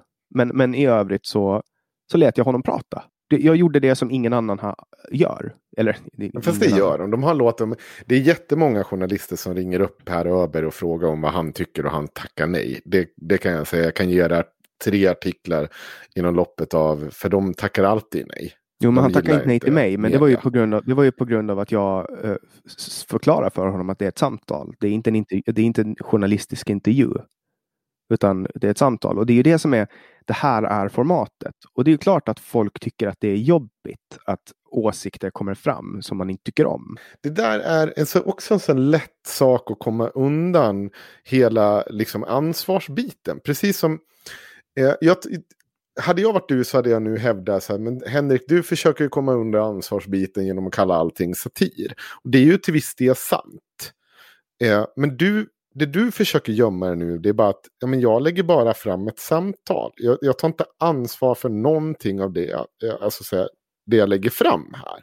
Och jag tror inte, om jag skulle lyssna på den där Per Öberg intervjun så misstänker jag att du kommer säga emot honom lite mer än vad Navid gjorde när det kommer till Inge Carlqvist. Det Navid gjorde, den största tabben han gjorde, det var att han faktiskt till viss del också föll in i hennes tänk och bekräftade henne eh, i en del av just det här med förintelseförnekelsen. Alltså för, för mig, ur mitt perspektiv, om jag skulle ha varit Navid och genomföra den här intervjun, då skulle jag ha sett, alltså för mig så skulle det ha blivit så här, wow, händer det här nu? Sitter hon och säger det här nu? Alltså, och så skulle hon, för att då vet man ju vilken jävla shitshow det blir efteråt. Alltså, när människor kommer till min podd och säger galna saker, då blir det, då händer det någonting. Då blir det en effekt. Då har samtalet haft en, en funktion det har skapat en debatt. Alltså, jag har haft folk med i podden som har skapat jättestora shitstormar på Åland. Till exempel, det var en person, en um, person som sitter i lagtinget, alltså i vår, vårt parlament, som, som berättade om um, att han hade en bit hash hemma i Portugal mm. och sådana grejer. Och så stod det om det i tidningen och det är liksom, alltså, det är det som, det är det som är meningen. Man ska ju ge människor möjligheten att prata oavbrutet och det är det som är grejen. Man ska föra... Men du kan göra det utan, utan, att, eh, alltså utan att inte ställa... Du kan göra det och fortfarande ställa kritiska följdfrågor. Jag förstår ju att det är superlätt att få in varje jävla eh, skåp i en intervju när man aldrig säger emot. Men säger emot gör jag ju. Jag sa, jag, jag sa ju emot Salle. Jag, jag, jo, jo. Du hörde ju att jag var extra kritisk mot honom. Men det är ju för att, det är ju för att Tycker du verkligen det? Ja, men om du har lyssnat på de andra samtalen. Jag, alltså, I allmänhet så... så jag, jag var känner... ganska kritisk mot Axel också. Jag tycker inte att du på var någon nej, Jag var inte kritisk mot Axel. Jo, det var det. Du frågasätter, du, du, du har just gjort det med mig också. Eh, tonalitet, varför vi gör som vi gör och, och så vidare. Jo, men jag det är ju saker som jag något... undrar. Där, där finns det, ingen, det finns ingen funktion i min kritik. Alltså, min, min, min kritik har, det är inte som när jag, jag har jobbat på tidning till exempel. Mm. Och där, när jag ställer en kritisk fråga, då gör jag det för att det förväntas av mig. Men när du och jag träffas på det här sättet, då är det precis som att det inte ska vara inspelat. Jag är nyfiken på vissa saker och det är min agenda. Och så spelar jag in det här och så får folk lyssna på det. Folk får följa med min ja. resa. Jag, jag är inte här för att provprata. Jag är här för att jag tycker, jag, jag är jag kan lika gärna sitta med dig som att jag kan sitta med Roger Salle Salström. Jag lägger ingen värdering i det. Nej, jag, jag, förstår det. Jag tycker att man bör nog lägga en värdering och man bör nog lägga vissa kritiska frågor till det. Men jag tror inte att vi kan, vi kan nog inte låsa oss vid det. Eh, du frågade mig vad, det är, det som, vad jag kände kring det samtalet. Mm. Eh, och jag sa det till dig tidigare idag att eh, det som störde mig nog gravt är att han hela tiden ska säga som att jag blir provocerad av att han säger någonting om mig. Och det, det är inte det som han, jag kom på det att när jag satt och lyssnade på att det var mycket det här anledningen till att jag liksom eh, startade IRM och var med och drog igång det. För att det var så mycket sånt där som jag tyckte jag hörde back in the days när jag lyssnade på journalister intervjua SD-politiker. Att de lät dem komma undan med ganska flagranta lögner kring eh, sin verksamhet, sina politiker. Och jag, det störde livet ur mig när jag satt och lyssnade på det här. Och det, det var verkligen, det tände, det fick mig att gå igång på alla cylindrar när han satt där och snackade. Eh, och det, jag vet inte. Hans största kritik mot dig, det var ju guilt by association. Han, han, är ju, han var ju arg på det, eller inte arg, men bitter för att du kör guilt by association. Hur, hur ställer du dig till det till exempel? Mm. Ja, det är ett, jag har ett ganska enkelt svar på. För det första så är inte Roger Saström den personen som sitter och skriker eh, Sieg Heil eller skriver att alla blattar ska skjutas av och kastas ut. Så han skriver bättre än så. Också en av anledningarna att jag sa att han skriver bra när han skriver. Eh, den stora grejen med honom, och den artikeln du läser ur, det är ju för att visa på att han har ju varit verksam inom den typen av miljö han har varit verksam inom i snart tio år. Att han har varit, eh, han har jobbat för att eh, främja fria tid, eller nya tider. Han har jobbat för att främja Avpixlat. Han har jobbat för att främja Dispatch International. Och hela det bagaget som kommer. Om du vill att jag ska gå in på varför nya tider, varför eh, avpixlat, varför exponerat eller någon av alla de här ställena han har varit verksam på är rasistiska så kommer vi ha att göra till Simon Bitti. Och de, och de argumenten köper jag före du ens har dragit mm. dem. För att det är där jag förstår din kritik till dem. Och... För, för, så här, väldigt enkelt. Om du eh, går och, om, om vi säger så här då. Att du går och eh, vi säljer, säljer kakor till förmån för Nordiska motståndsrörelsen. Jobbar du för att främja nazism då? Ja.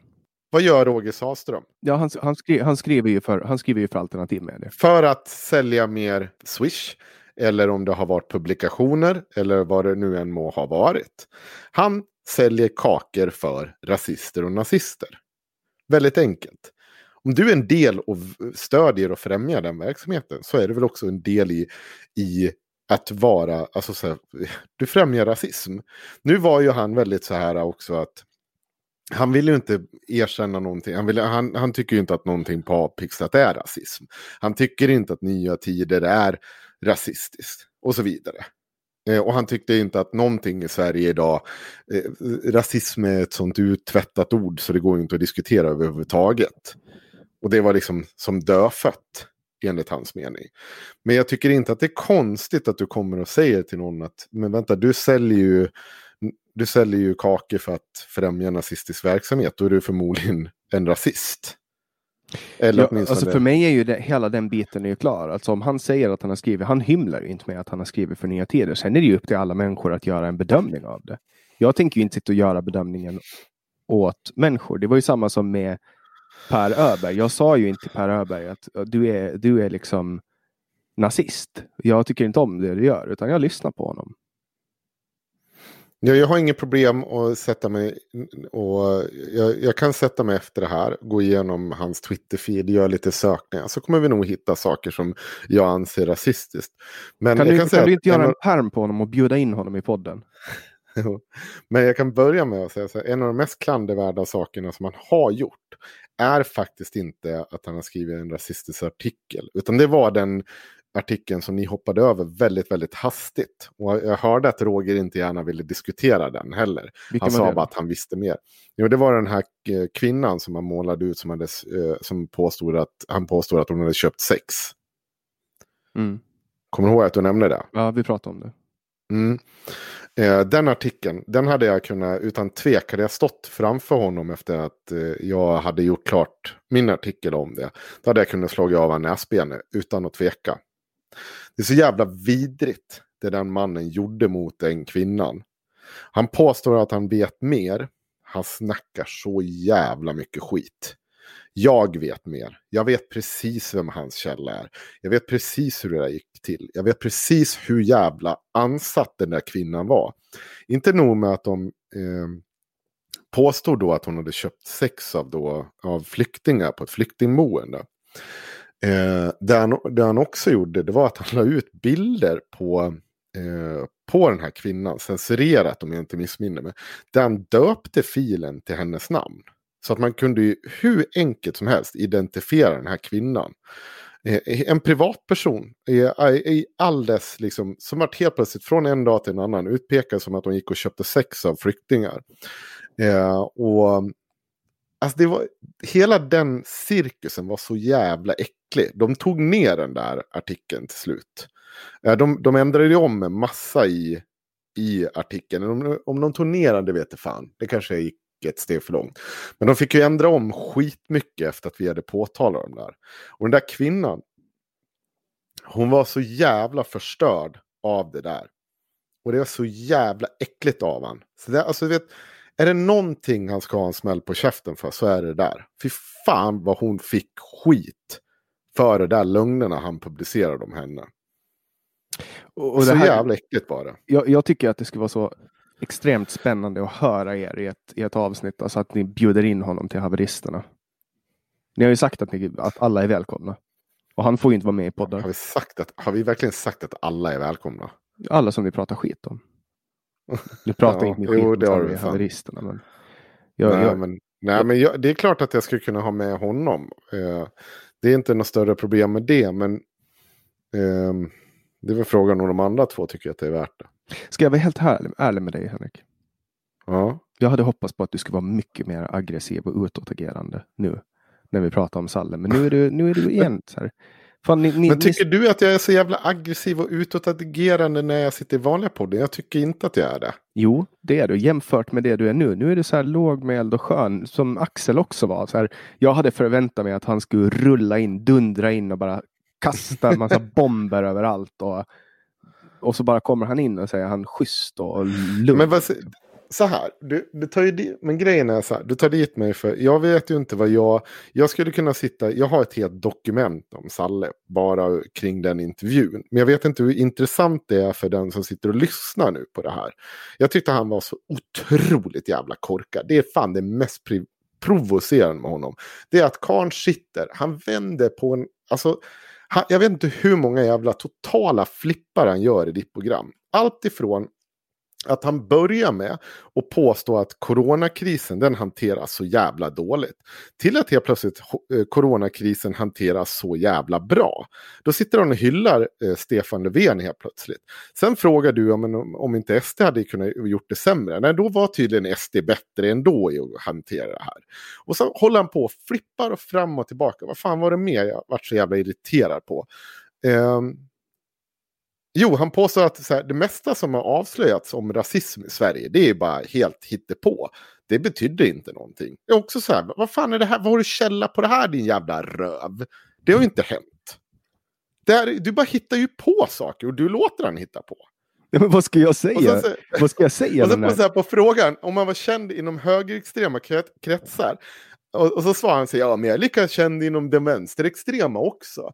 Ja men det är väl klart som fan, för där vill de slå av dig näsbenet. Medan de högerextrema vill att du ska skriva om deras senaste demo.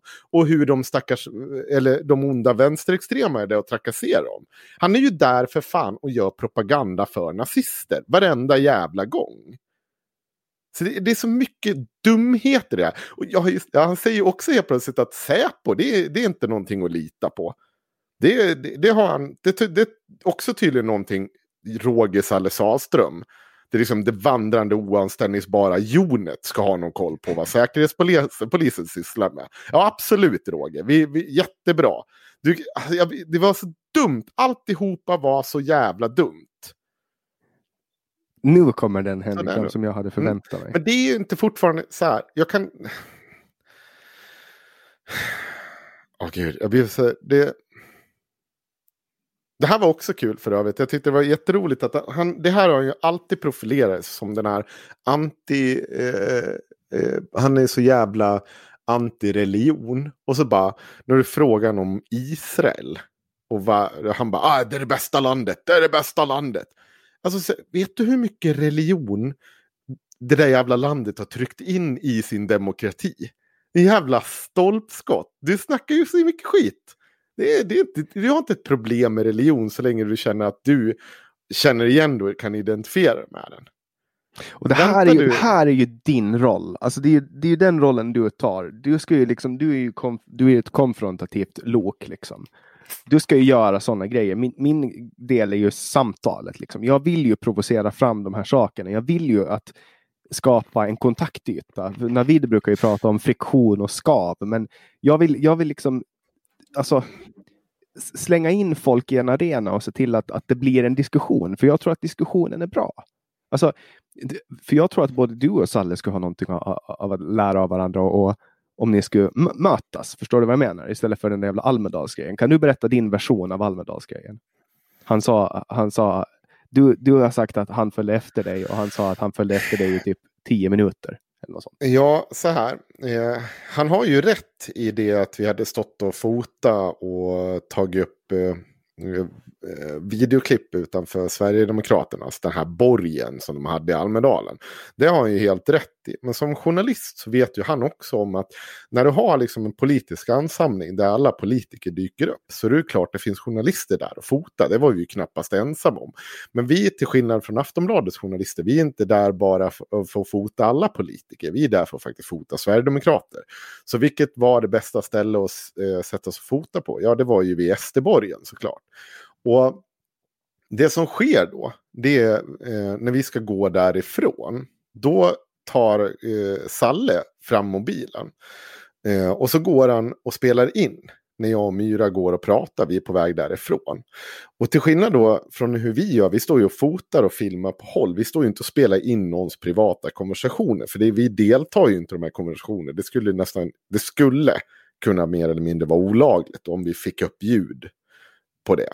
Eh, men det Saström gör det är att han går bakom oss och spelar in när vi pratar. Och det får man inte göra hur som helst. För då går ju, han deltar ju inte i en konversation, han går ju bakom oss och spelar in när vi ska liksom gå hem och, och avsluta för dagen. Men ni, så, ni och, såg att han föll efter eller? Ja, gud ja. Jag satte ju, då började vi ju driva med honom så att jag satte igång live-inspelningen.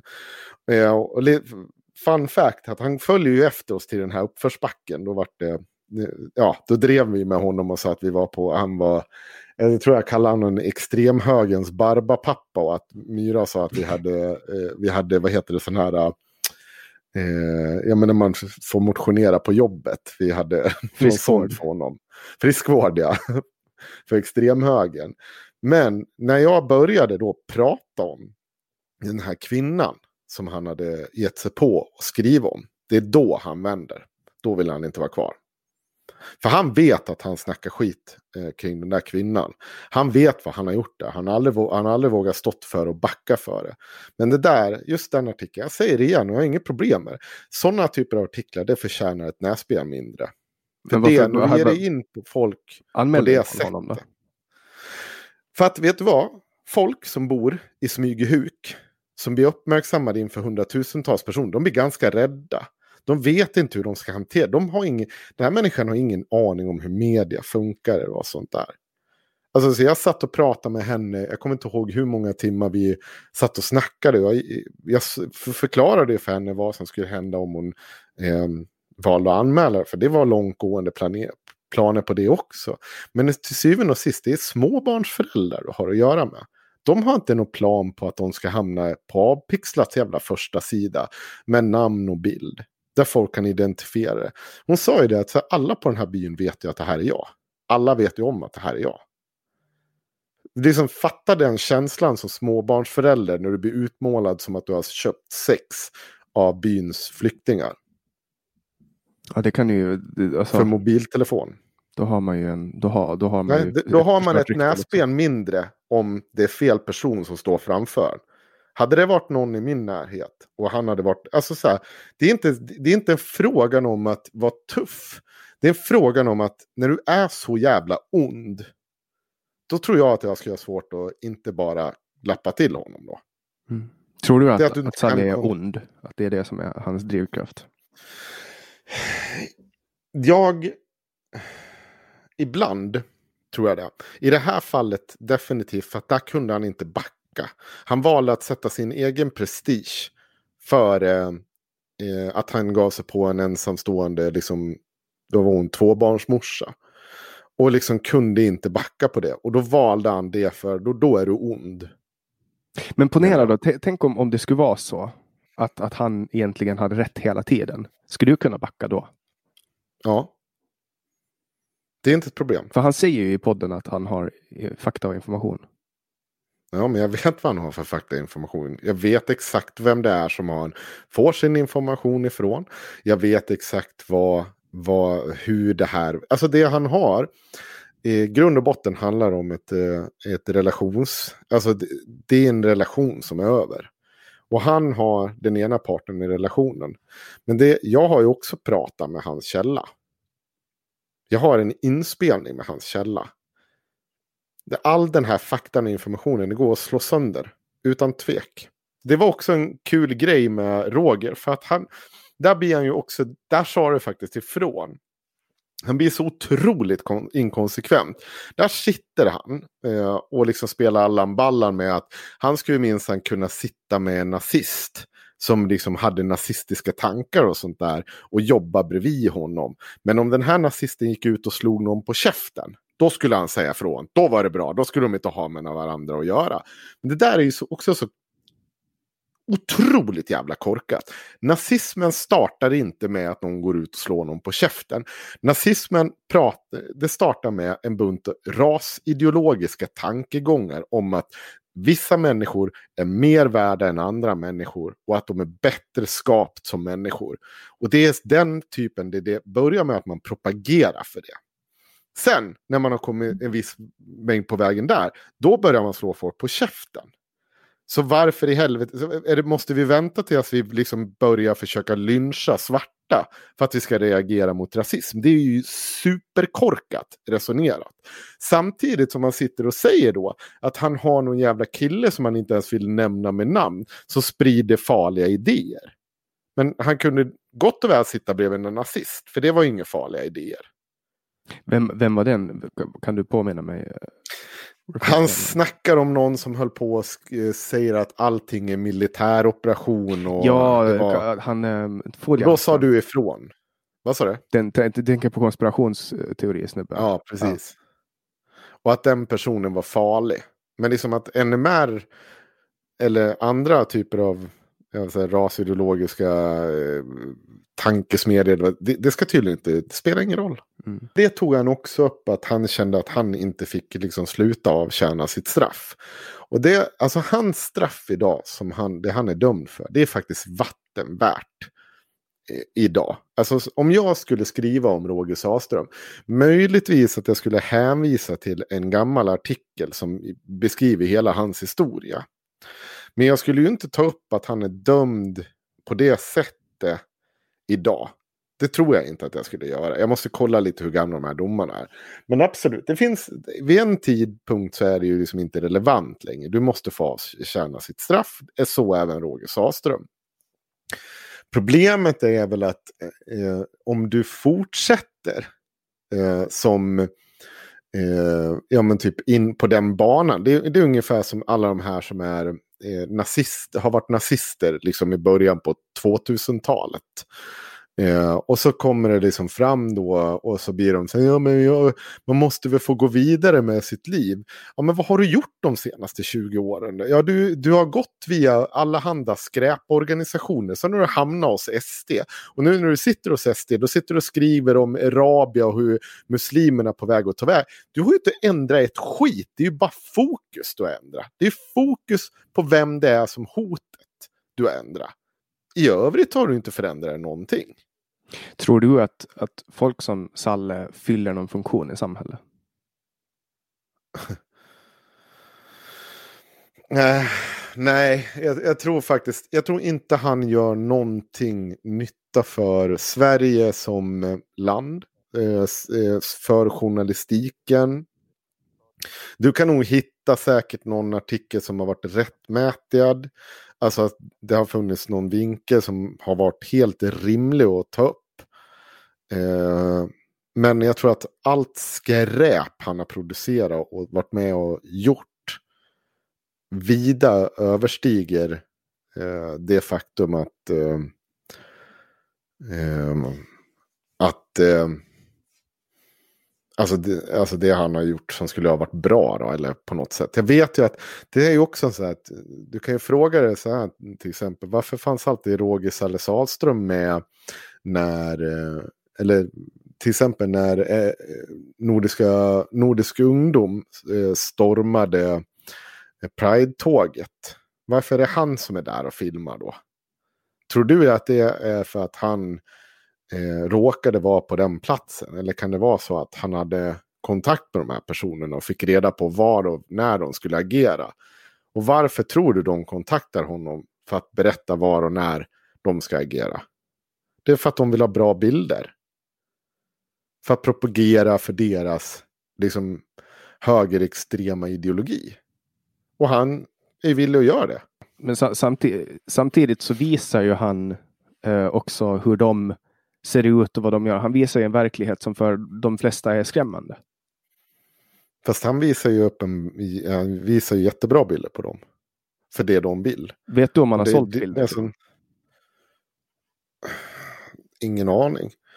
Han däremot eh, visar upp deras, alltså var, vad som händer när de försöker stoppa Pride-tåget. I en positiv bemärkelse. Vad, vad hände då? De fick stryk av lite vänsterfolk och gnällde över det. Det låter, det låter ju inte som att det följer den tillskrivna agendan som han har. Om, om du menar att han sympatiserar med NMR. Då borde ju inte han... Nordisk ungdom bara. Ja, Nordisk ungdom. Vad då menar du? Ja, alltså då, det borde ju vara en... en uh... Nej, men han fick ju visa upp de stygga uh, vänsterfolket. Som bara de här stackars yttrandefrihetsmånglarna som ställde sig i vägen för Pride-tåget.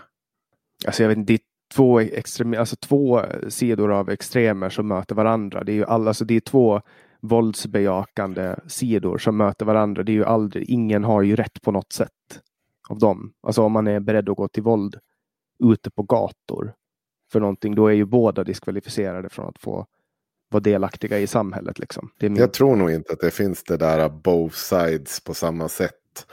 Det tror jag är en ställning, alltså ett ställningstagande du gör. Jag har inte så här, eh, till exempel, alltså så här, om eh, antifascister tar till våld i självförsvar eller att få bort nazister som försöker stoppa Pride-tåg.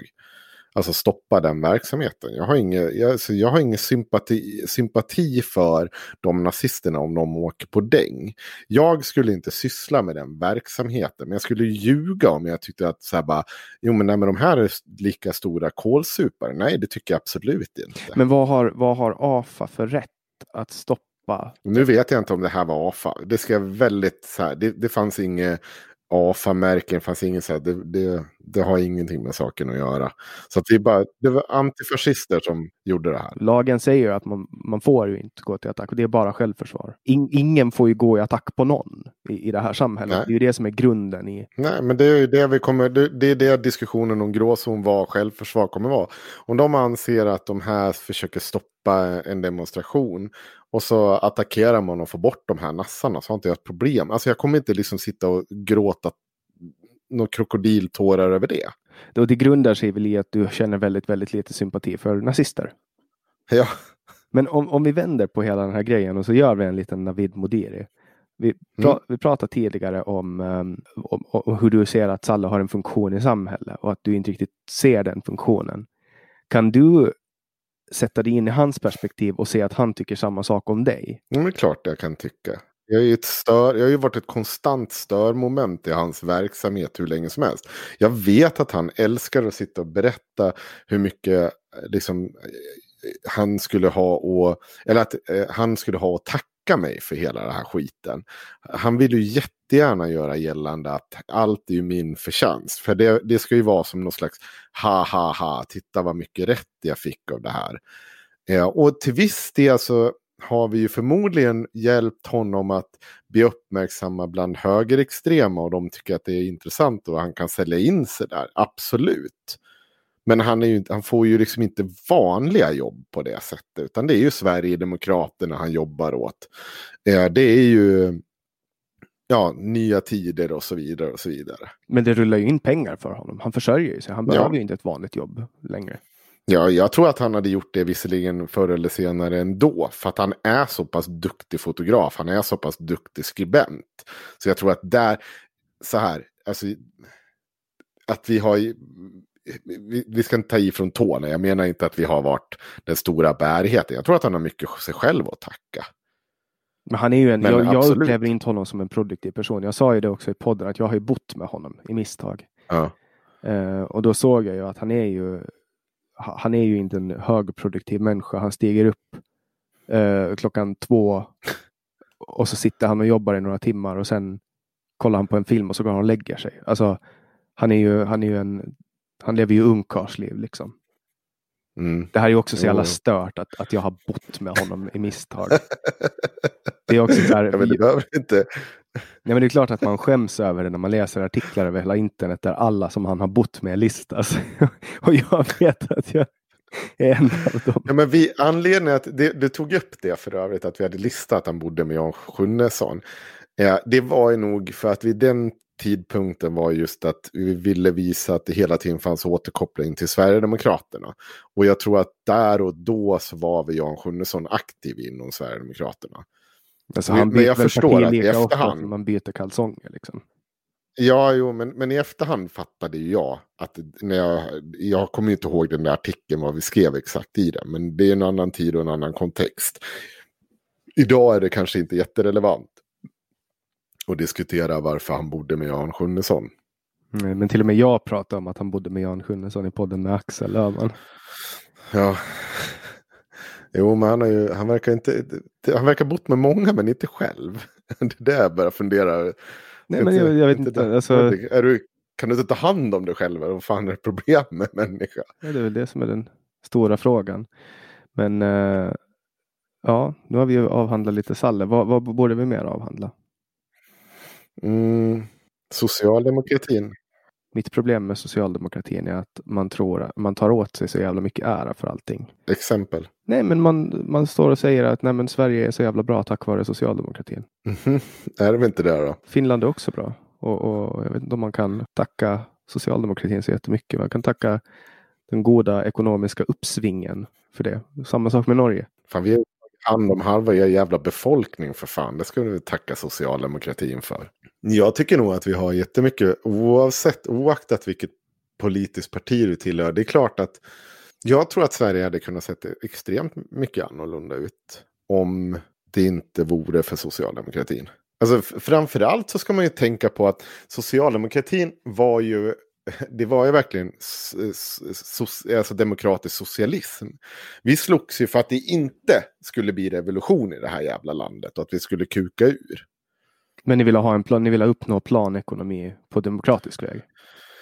Nej, jag tror aldrig att det har funnits någon planekonomi eh, mer än om du hittar någon SSU-are och någon lokalförening som har gjort någon plojig förslag till någon kongress. Men då Så sociali- socialism är ju, i socialism inkluderas planekonomi. Liksom. Nej, det är ganska tramsigt. Så du menar att i socialismen så finns eh, så i kollektivt ägande så, så fi- finns inget planekonomiskt. I, Det är väl klart det kan finnas planekonomi, men jag säger inte att det, det är inte lika med. Jag vet inte, som jag har förstått det. Jag har haft en, en socialist med i podden som menar att, att, ehm, att eh, demokratisk socialism handlar om att, att eh, skaffa sig, komma till socialism på en demokratisk väg. Till skillnad från socialism som är att göra det genom revolution. Men, Men, men jag tror att du kan inte, du kan inte diskutera, eh, jag tror inte du kan diskutera socialism eller liberalism ur det perspektivet, utan det är ju vad han förmodligen ser socialism, demokratisk socialism som. Vad han vill att det ska vara. Jag vill att demokratisk socialism, det ska vara en väldigt, väldigt vänster, eh, ett vänsterland där eh, mycket av vår verksamhet ägs av staten. Eh, men vi har också en fri marknad. Det, det är för mig, alltså så här, någonstans. Jag vill ha, men du vill ha en fri marknad Alltså- som ska regleras jättemycket av staten. Ja det, den kan regleras en hel del. Ja. Ja, då, är det ju, då är den ju inte fri. Det är ju det som är Nej.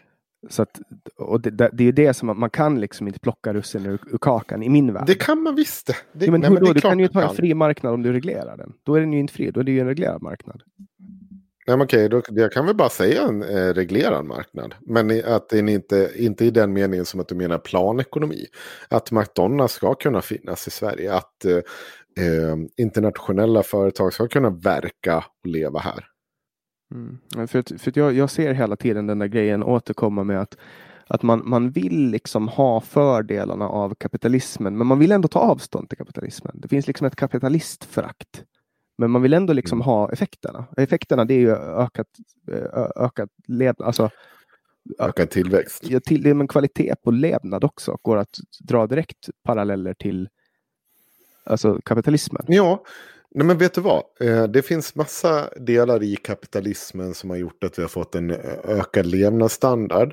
Eller, eh, eller effekter av alltså så här, innovation och sånt som är, absolut vi har fått ökad levnadsstandard. Sen är det väl en diskussion om vad vi behöver som människor. Är det liksom den eviga tillväxten vi behöver eller är det eh, behöver vi kanske behöver vi kanske inte så jävla mycket. Det ska väl bli kul att se hur den här krisen slutar och om vi får oss en liten knäpp på näsan om vad vi faktiskt behöver som människor. Är det 30 paket av din måltidsersättning eller eh, en, en intressant diskussion som vi kommer ta upp eh, i nästa avsnitt av haveristerna. Det är det här med globalism och eh, eh, diskussionen om vilken produktion behöver vi ha i Sverige inhemsk kommer globalismen få eh, alltså, ha en tillbakagång nu i och med den här krisen. Jag kommer utgå från vad den här jävla statsvetaren eller någonting sa i Agenda. Han pratade om just att nu kanske vi kommer börja diskutera, ska verkligen all mat skeppas från långt bort i fan? Ska alla munskydd tillverkas i gud vet var? Eh, hur, hur ska vi ha det här? Hur mycket inhemsk produktion? Och det är faktiskt en intressant diskussion kring globalism som är helt rimlig och som borde föras även av vänstern. Jag har aldrig, jag ska inte låtsas som här att jag har gått och tänkt på det här tidigare eller att jag har varit eh, en våldsam eh, motståndare eller tyckt någonting om det. För att jag har aldrig reflekterat kring att hur, mycket, hur lite produktion vi själva faktiskt har i det här jävla landet. Och det har ju jag fått med en knäpp på. För. Sen kommer du ha massa sverigedemokrater och nationalister som kommer hävda att de har sagt så här hela tiden. Fast det har de inte. De har aldrig uttryckt det här. De är ju bara inte, inte, inte intresserade av att människor ska kunna resa till Sverige eller fly till Sverige. Det är deras globalism. De har inte pratat, alltså så det är ju när hörde du Jimmie Åkesson stå och prata om den inhemska beredskapen och vad vi ska tillverka själv här? Det var väl möjligtvis under skogsbränderna när de hade börjat brunni. Ja men alltså hålla på att tillverka. Sverige exporterar ju Alltså Sverige exporterar ju helt andra saker än vad vi använder och det gör ju att vi kan importera saker som inte tillverkas här. Jag menar, eh, alltså det, det enda vi behöver tillverka är väl mat för att och, och föda mm. folket och, och den finns. Men där har ju SD varit mycket tydliga med att de vill ha mer närproducerat. Sen tycker jag att det har varit väldigt lite politik av just den delen. Men det är väl en sak man kan diskutera. Närproducerad mat, men också sån typ av utrustning som vi kanske behöver i kristider. Vad vi behöver, att det ska kunna finnas en, den typen av inhemsk produktion. Jo, men, men Sverige, har ju, Sverige har ju varit jätte, alltså gjort, fatta skitkonstiga beslut, alltså som att tömma alla reservförråd till exempel på 90-talet när man gick med i EU. Vad fan var det liksom? Det, det framstår ju som jättekonstigt. Mm. Och sen också de här, man hade över en halv miljon skyddsmasker som man inte fick använda. Sälja, sälja ut apoteket också. Men allt konstigt som Sverige har för, företagit sig, men speciellt alltså krisberedskap också. att och det här tycker jag är intressant. Jag vet inte varför de det är jag vill. Krismaskerna, de har väl man löst nu i alla fall. Det var jo, man har de löst här det. att de inte var CE-märkta. Mm. Exakt. Men det har man väl tagit något, fattat något större beslut om. Ja, de har fått bort det, men också att det ens ska vara en fråga. Vi står inför den största Men här, det, Sverige är, byrå, alltså vi är ett byråkratiskt land. Att jo, det skulle, men det är för fan att det inte skulle vara en fråga. Jo, men för helvete, ett globalt krisläge och folk bara håller på och bråkar om en jävla stämpel på en mask. Det är så här, skärp er för helvete. Det är så jävla Sverige. Jag är så jävla glad över att leva i det här landet. Det är så jag jävla så innerligt glad. Det är så... Det är som en anekdot som jag brukar återkomma till. Det var på, sam, samtidigt i början på 2000-talet i någon ganska nära förlopp så var det två bankrån, ett i Sverige och ett i Finland.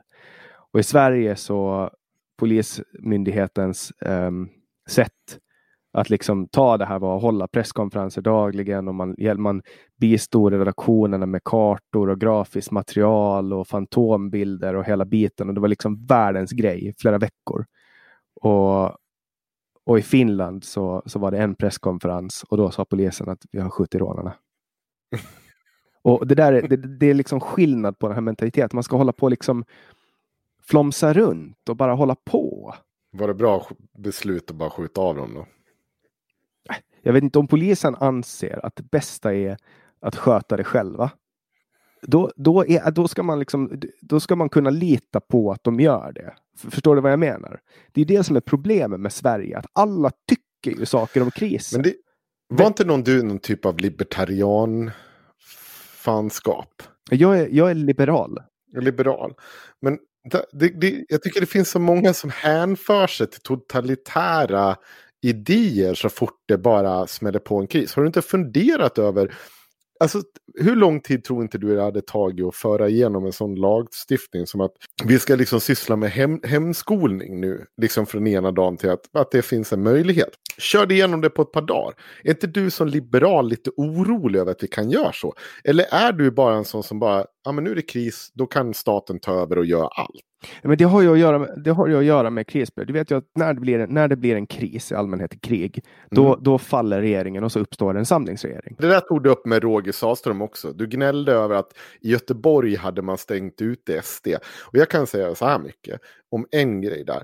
Du kan inte, för det första, vi har inga samlingsregeringar på lokal nivå. Eh, de hade mycket väl kunnat vara in, inbjudna till de här samtalen. Nu vet ju inte jag vad skälet är, men det kan ju också vara så att SD på sina håll är så ta med fan totalt jävla inkompetenta. Och det går liksom, om de inte tillför någonting till ett samtal, då kan du inte ha dem drällandes där. Och karn som skulle slå ihjäl folk och gräva ner dem i garderoben. Jag vet inte fan hur kompetent han är att leda Göteborg genom någon slags kris. Det vill säga Jörgen Fågelklo. Ja, nej, nu, nu vet ju jag inte mer än jag läste rubriken och, och jag menar ja. i, i allmänhet, alltså det, man har inte gjort en samlingsregering nu och senast man gjorde det var andra världskriget. Men även kommunstyrelser, ja. eh, stadsstyrelser eh, kan liksom foga in oppositionen i den exekutiva makten. Jo. Och, och, det, har ju att göra med, mm. det har ju att göra med att nu har vi en kris. Nu, nu lägger vi partipolitik åt sidan och så löser vi den här krisen. Det är inte så att jag ropar på en totalitär stat, men jag efterlyser att människor som inte vet vad de pratar om helt plötsligt vet hur man ska lösa en, kris. En, en kris. Alltså, stör inte du också dig på människor som sitter och, och, och kan allting om det här viruset nu? Jo, fruktansvärt. Och jag är livrädd över att jag ska yttra mig på samma sätt. För att jag verkligen stör mig. Så, alltså så här, jag sitter ju varje dag och kollar på presskonferenserna. Dels för att jag ska kolla mitt jobb eh, och veta vad som händer där. Eh, men också liksom för att kunna göra liksom vuxna och rimliga bedömningar. Jag kan ju åka ut och prata med medlemmar, och sitta i telefon hela dagarna. Då måste jag kunna svara dem. Liksom vad, vad säger Folkhälsomyndigheten nu? Vad behöver vi göra? Och vad liksom repeterar det här. Och så sitter man och ser liksom Hanif Bali med... En, det finns en hel del. Inte bara Hanif Bali, det finns även på sossar. Som kan en hel jävla del om en hel jävla del. Och jag blir bara jag blir så trött på dem. Jag är så otroligt trött på dem. För det är också så här. Kontentan är att vi, vi, vi går ju fortfarande inte omkull. Än så länge verkar ju vår strategi fungera. Den verkar ju faktiskt fungera. Så det verkar ju vara så att Folkhälsomyndigheten har någon jävla koll på vad de sysslar med. Kom, tänk nu på att tiden kan visa dig jävligt fel här. För att när det här släpps så hade sannolikt gått ett tag. Men jag kan ju bara prata ur nuläge. Jag har inte sagt någonting om att jag kan gå åt helvete. Men hittills verkar det ju fungera. Idag så, så verkar det fungera. Sen kan det, okej, okay, det kan spåra iväg. Men jag kan ju inte slåssa som att så här, det verkar fungera just nu. Mm. Uh, men jag skulle säga en sak, det var någon som sa, så skrev det så jävla bra att så här, får ni också uppfattningen att vissa personer som sitter och, och pratar om vad vi borde ha gjort och sånt där. De har liksom lever i någon slags villfarelse om att om vi bara hade gjort vissa saker så hade vi inte haft någon kris nu. Och det är ju inte sant. Hela världen har ju liksom slagit igen. Mm. Det, det är ju bara på. Vad lever ni? Alltså vi hade fått in det här skiten. Jag vet inte vad, de, vad det är för... Hur skulle vi ha gjort? Skulle vi ha stängt ner i februari, tidigt februari, stängt ner hela Sverige, säger vi. Bara slår igen det. Men för att upprätthålla den här karantänen så hade vi behövt hålla ut tills nu. Tror du svenska befolkningen hade accepterat den typen av karantän i två månader? Jag tror till och med Sverige hade kunnat bli liksom totalitära då. I Italien så börjar man hota statsmakten med revolt. Maffian, alltså, ga, alltså man börjar liksom titta på råna affärer. För att de har varit i karantän så länge. Det är klart att det får effekter till slut. Vi är inte Kina. Du kan inte gå och bara svetsa igen en dörrjävel. Folk kommer balla ur. Jaså du Stefan, här kommer du och svetsar igen dörren. Aldrig i helvete. Dra du åt... Fatta vad den jävla Sverigevän hade kukat ur. Jag hade aldrig accepterat det här. Och så hade Jimmy Åkesson stått där. Men så här kommer jag ju inte göra. Det går ju inte. Och, sen, och så nu när man inte gör det. Ja men du måste ju svetsa igen dörren. Är du förståndshandikappad? Det, det, du kan inte göra så här. Det här är anledningen att man vill ha en samlingsregering i kris. Därför att då kan ingen gå ut och kritisera. Då måste man sätta sig ner och alltså man måste lägga partipolitik åt sidan när det blir en kris. Det är så man löser en kris i min värld. Det är bara i min värld. För att det är så här, om, om du har en... Om, om det, där, det är som att bråka om solstolarna på Titanic. Liksom. Jag, tycker, jag tycker inte att det är vettigt. Fast, ja, ja nej, jag vet inte. Det, jag tycker det, någonstans så verkar man ju fått ihop det. Jag tycker att man verkar ju prata med varandra. Eh, jag tycker inte det. Jag tycker egentligen pratar vi nog mycket om ett icke-problem. De verkar ju ha. Eh, Moderaterna skulle framföra krav nu om att, att man skulle börja masstesta. Och det tror jag det finns en poäng, alltså börja kolla av de här människorna. Fan, som... Det finns ju inte ens tester. Det finns ju inte ens tester. jag, jag säger så här, om du inte kommer nu och ställer ett krav och säger att ni måste göra så här, är ni dumma? Och så finns det inga tester, de inte bevisar att de klarar av det, då är det poänglöst. Det som håller på att hända nu med, med kassan, statskassan, alltså de här jävla paketen nu, de här stora räddningspaketen, de kommer att tömma kassan. Alltså det kommer inte att komma mm. in skattepengar. Alltså, det, jag vill inte låta alarmistisk nu, men vi kommer att få vedermödor, ekonomiska vedermödor. Det här kommer att kännas i flera Gud. år. Människor kommer att bli arbetslösa, människor kommer att ta livet av sig, människor kommer att svälta. Och, och de, där, de, de här krispaketen som man pratar om nu, det är bara plåster på såren. Liksom. Ja, jag tror också att det här kommer kännas. Det kommer vara en... Eh, alltså vi har gått en extremt tuff framtid till mötes. Men samtidigt så tror jag att någonstans så kommer... Jag, jag, förhoppningsvis så kommer man kommer man nog resonera kring. Alltså man kommer försöka hitta något sätt att, att dra igång ekonomin på igen. Och sen är det ju så att det är en infrastruktur som redan är upp landsbygd som nu har stängt ner. Jag tror inte, alltså, jag tror inte att vi kommer ha Scandic-hotell som står och möglar sönder runt hela jävla Sverige. Jag tror att det däremot, något av dem kommer förfalla. Men jag tror att det kommer liksom så här, det, det kommer hända grejer. Det finns, ekonomin har inte försvunnit i sig. Alltså den finns där. Utan den bara står, vi står bara still. Vi rör inte på oss just nu om vi bara börjar röra på oss så tror jag att det finns. Jag tror att det går att komma tillbaka. Men fan, jag är inte någon ekonomi, jag vill inte sitta och killgissa. Eller jag vill ju killgissa, men jag känner mig lite dum som killgissar. Jo, jag, men gre grejen också med att ekonomin står stilla nu, ja, det gör den. Men, men det är ju inte så att när man bara trycker på start igen, som att allting kommer att börja rulla som innan. Nej, nej, det, det säger jag inte. Jag menar bara att du, du har en annan infrastruktur som eh, eh, kontra när typ hela jävla Lehman Brothers och allt det där kollapsar. Alltså allt går i, eh, eller som när man upptäcker att USAs stålindustri liksom är bara skräp från 70-talet. Alltså det finns liksom ingenting där. nu till skillnad från det är att det finns någonting där. Vi behöver bara börja konsumera igen. Och det här egentligen vänder jag ju mig emot lite som kollektivistisk vänstersosse. Jag vill ju att det ska finnas andra med Men problemet är att när vi börjar konsumera då finns det inga produkter att konsumera därför att då har eh, Indien och Kina klappat igen sina fabriker och folk ligger och dör i massor mm. på gatorna. Får jag säga någonting då ännu hemskare då? Absolut. Eh, det här är en gissning, en killgissning av rang. Men risken är ju att Sverige står sig starkt kontra resten av Europa då. För att vi har en så pass stark infrastruktur. Vi kan starta om våra företag, vi kan bygga om våra företag. Vi har en eh, helt annan typ, alltså vi, det kan bli lite effekten av som var efter andra världskriget. Fast skillnaden är nu att eh, Italien inte sönderbombat. Mm. De har bara liksom, kan inte få igång sina industrier. Men du kommer inte att ha bidrag att ge till folk. Du kommer inte att ha pensioner att ge till folk. Du kommer inte ha, du kommer ha, du kommer inte ha bostäder. För att det finns redan en bostadskris. Det är för många människor i Sverige och för lite bostäder.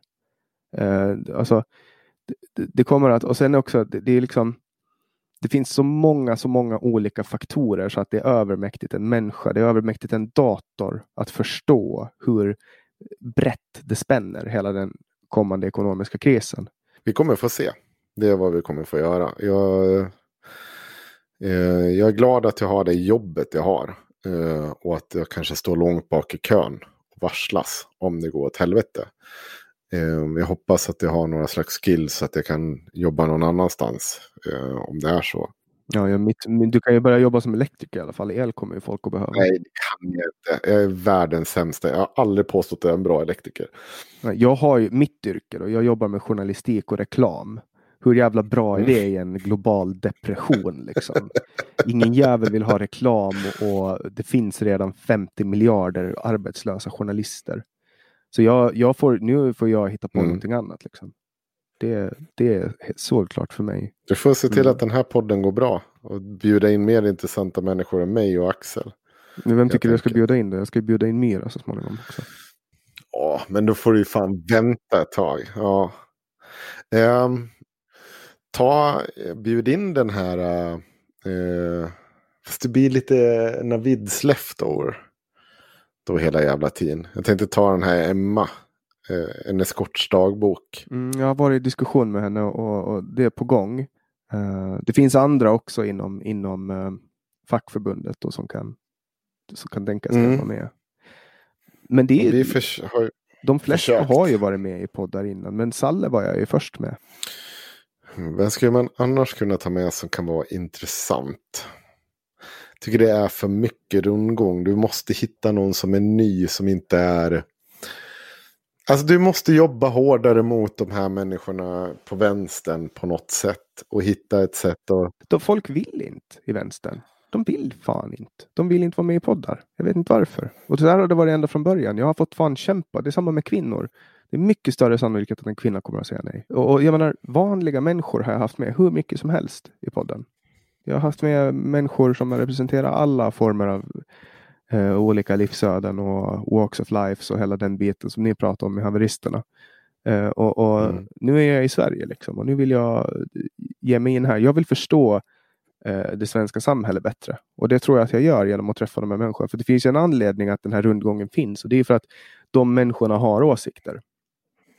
De människorna har liksom mm. byggt upp någonting. De, de är liksom tänkare. Ja, jag har ju jag, har inte, jag är inte rädd för att slänga käft och tacka ja till sånt här stup i jävla sekunder. Man är ju eh, en god portion narcissist. Även om jag känner att många gånger att jag faktiskt har blivit mer tillbakadragen de senaste två, tre åren än vad jag varit någonsin tidigare. Jag trivs liksom bra med att ha en podd eh, och skriva min krönika och sen liksom sköta mitt jobb till vardags.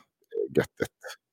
Ja, offentlighet är ju kanske ingenting som man eftersträvar. Alltså som är, jag har ju alltid velat, jag har ju alltid haft politiska ambitioner och velat vara en offentlig person etc. Och sen blev jag invald i parlamentet som ersättare. Och, och då bara total manglades min tillvaro och liksom hela mitt familj, hela familjedynamiken och alla fick liksom utstå hur det är att ha liksom en offentlig person runt sig. Det är fan inte kul alltså. Men det är det som är så skönt med att vara i Sverige, att här vet ju ingen jävel vem jag är. Nej, jag har fått, alltså de gånger som det har varit jobbigt är när man har dragit in min familj och morsa i det på något sätt. Och liksom antingen hotat dem eller börjat skicka hem saker till dem. Men när jag känner att så här, nu, det jag gör påverkar dem, att man börjar ge, ge sig på dem. Men sen har jag haft, alltså, det är också lite klyschigt, men jag har ju haft stöd. Alltså så här, de har ju liksom köpt det jag gör. Framförallt morsan när hon satt i rättegången. En av de här jävla idioterna som hade hotat mig. Hon började ju typ gråta när jag berättade om vad jag gjorde och varför jag hade gjort det vid olika tillfällen och sånt. För hon hade liksom aldrig fattat och greppat omfattningen av vad jag sysslar med.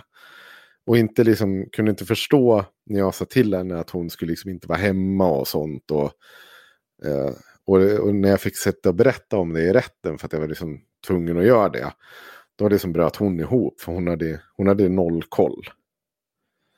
För det är liksom så här, i mitt liv, i mitt privatliv med mina kompisar som jag har kvar i Avesta. Så det är väldigt sällan vi går in på någonting och det vi pratar med haveristerna. Alltså visst, ibland. Någon har lyssnat, någon har sett det här, att jag har gjort det här. Eller den där krönikan var bra skrivet. Och sen fortsätter vi om att prata om det gamla vanliga. Liksom så här, ja, hur går det med din unge på dagis eller vad fan är det som händer i ditt liv? Man är ju liksom normal och bara sitt eget. Men sen är det ju, det där är också svårt ibland.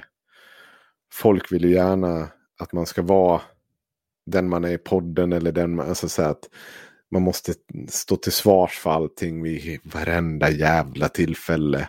Och så måste typ showa och typ gå in i den, din public persona och sånt eller? Ja men det gör jag aldrig. Jag försöker snarare undvika att diskutera de sakerna om jag är på privata tillställningar. För att jag tycker liksom att ingen ska... Så här, eh, du ska kunna vara en sverigedemokrat och sitta där. Kunna sitta där utan att stressa ihjäl över att du sitter bredvid mig. För jag är inte där, om jag sitter på krogen så är jag inte där för att sitta och berätta att du är politiskt efterbliven. Men om du träffar något fan till exempel. Vill de att du ska showa och vara dryg och aggressiv? Nej. Nej. Ska de göra det? Jag, vet inte, så jag tycker inte jag är så jävla aggressiv heller. Jag, jag, jag tycker du, du det, är aggressiv. Det är skillnad. Du... Nej men vadå, varför det? Nej, men, när du går igång så blir du jävligt aggressiv. Du uppfattas som aggressiv. Men, jag... Tänker du på när jag, ja, men vi, tar, vi tar som jag pratade om tidigare. När jag sa att jag kan tänka mig att slå, Roger, jag skulle kunna slå Roger Sahlström på käften för att han gjorde så mot den där eh, tjejen. När en som står bland, bland annat, men sen tänker jag på, på i allmänhet liksom din persona är aggressiv. Du drar igång. Alltså, och det, är ju det, det, det skämtar ju Myra och uh, Axel mycket om att när du drar igång. Det var också det Cissi Wallin sa till dig, att du var aggressiv och obehaglig. Alltså... Jo, men bara för att någon säger något. Det är ungefär som, ibland så säger folk så här bara, nu avbröt du mig. Så här, fast jag har inte avbrutit dig. Så du har pratat i en kvart. Jo, jag, jag men det är, bara, det är bara för att då vinner man ju. Det är en härskarteknik. Det är bara för att. Jo, men kan det inte vara en liten härskarteknik att sitta och, eller dryga så att du köper in i den personen? Alltså jag tycker inte att jag är alltså, aggressiv. Det är så, nej, det är ett starkt ord. Jag tycker inte som... Jag vill bara än en gång återkoppla till det jag sa om Roger. Det här är ju inte en sak som jag säger för att jag vill spela Allan Ballan eller vara tuff eller vilja liksom slå Roger i allmänhet på något sätt. Utan det är en sån här, så här, när någon, du vet när någon kliver över alla de där gränserna som de flesta har. Då är det ju så folk kommer reagera. Till slut kommer ju någon slå honom på käften. Det är vad som kommer ske. För att han har liksom gett sig på en ensamstående morsa, han har gjort det här. Eh, någon kommer bli förbannad. Det är inget konstigt i att en sån sak sker. Sen ska man inte göra det. Jag vill inte sitta inne för att jag slagit Roger Sahlström på käften. Det vore ju supertråkigt om det skulle ske. Men det är fortfarande sån där, där och då. Jag kommer ihåg hur jävla berörd jag var av det. Och hade han varit i närheten av mig då, då är jag inte säker på att jag skulle kunna hålla tillbaka. Mm. Du. Det är inte att vara aggressiv. Det var liksom ha någon slags känslospektrum över liksom att och empati med andra människor. Mm. Nej, men jag, jag, jag, förstår din, ditt perspektiv, men jag tror att många är ganska benägna att hålla med mig om, om att du uppfattas aggressiv. Och jag, Okay. Det är ungefär som när man sitter Ja, ja. och bråkar med Daniel Lampinen om man är rasist eller inte. Det är samma sak där. Det, jag tror att det saknas, ja, men, ja, det är svårt att säga. Nu har du fått en halvtimme Mm. mer ungefär än vad, eh, vad folk får normalt sett. Men jag tycker att det har varit trevligt Mm. att, att, att prata med dig och få ditt perspektiv på olika saker. Eh, supertack för att du hakar på. Det är lugnt, det var så kul så. Så hoppas jag. Och så får du ju bra krispljud nu också. Jag såg för övrigt att mitt internet hade kommit igång också. Så Mm. därför inte har laggat något mer. Nej men det, det är bra. Nu hoppas jag ju också att det här ska gå över så fort som möjligt så att jag kan fortsätta träffa folk face to face. Man får ju inte träffa någon i det här jävla landet längre. Men eh, ja, jag hoppas att ni fortsätter prata skit om er podd för det varje gång ni gör det Mm. så ramlar det in nya följare på Twitter. varje gång ni säger Jannik Svensson så får jag liksom en, whoop, en bump i lyssnare. Och till er som har lyssnat på det här samtalet idag, eh, jättetack för att ni har orkat er igenom eh, två stycken så här extremt jobbiga personer som jag och Henko. Ni vet ju också att ni kan gå in på vår hemsida www.samtal.ax. Där hittar ni telefonnummer och eh, länk till eh, Patreon och Swish och hela biten. Nu har ju det här eh, kommit med lite extra utgifter och det är ju inte så att vi lever i ekonomiska glada dagar nu. Så lite extra bidrag för att kunna täcka de här eh, kostnaderna som tillkommer med eh, systemen för onlineinspelningar uppskattas extremt mycket. Producent för det här samtalet, eller för det här avsnittet och för den här podden är Didrik Svan. Jag heter Jannik Svensson och du har lyssnat på podcasten Samtal.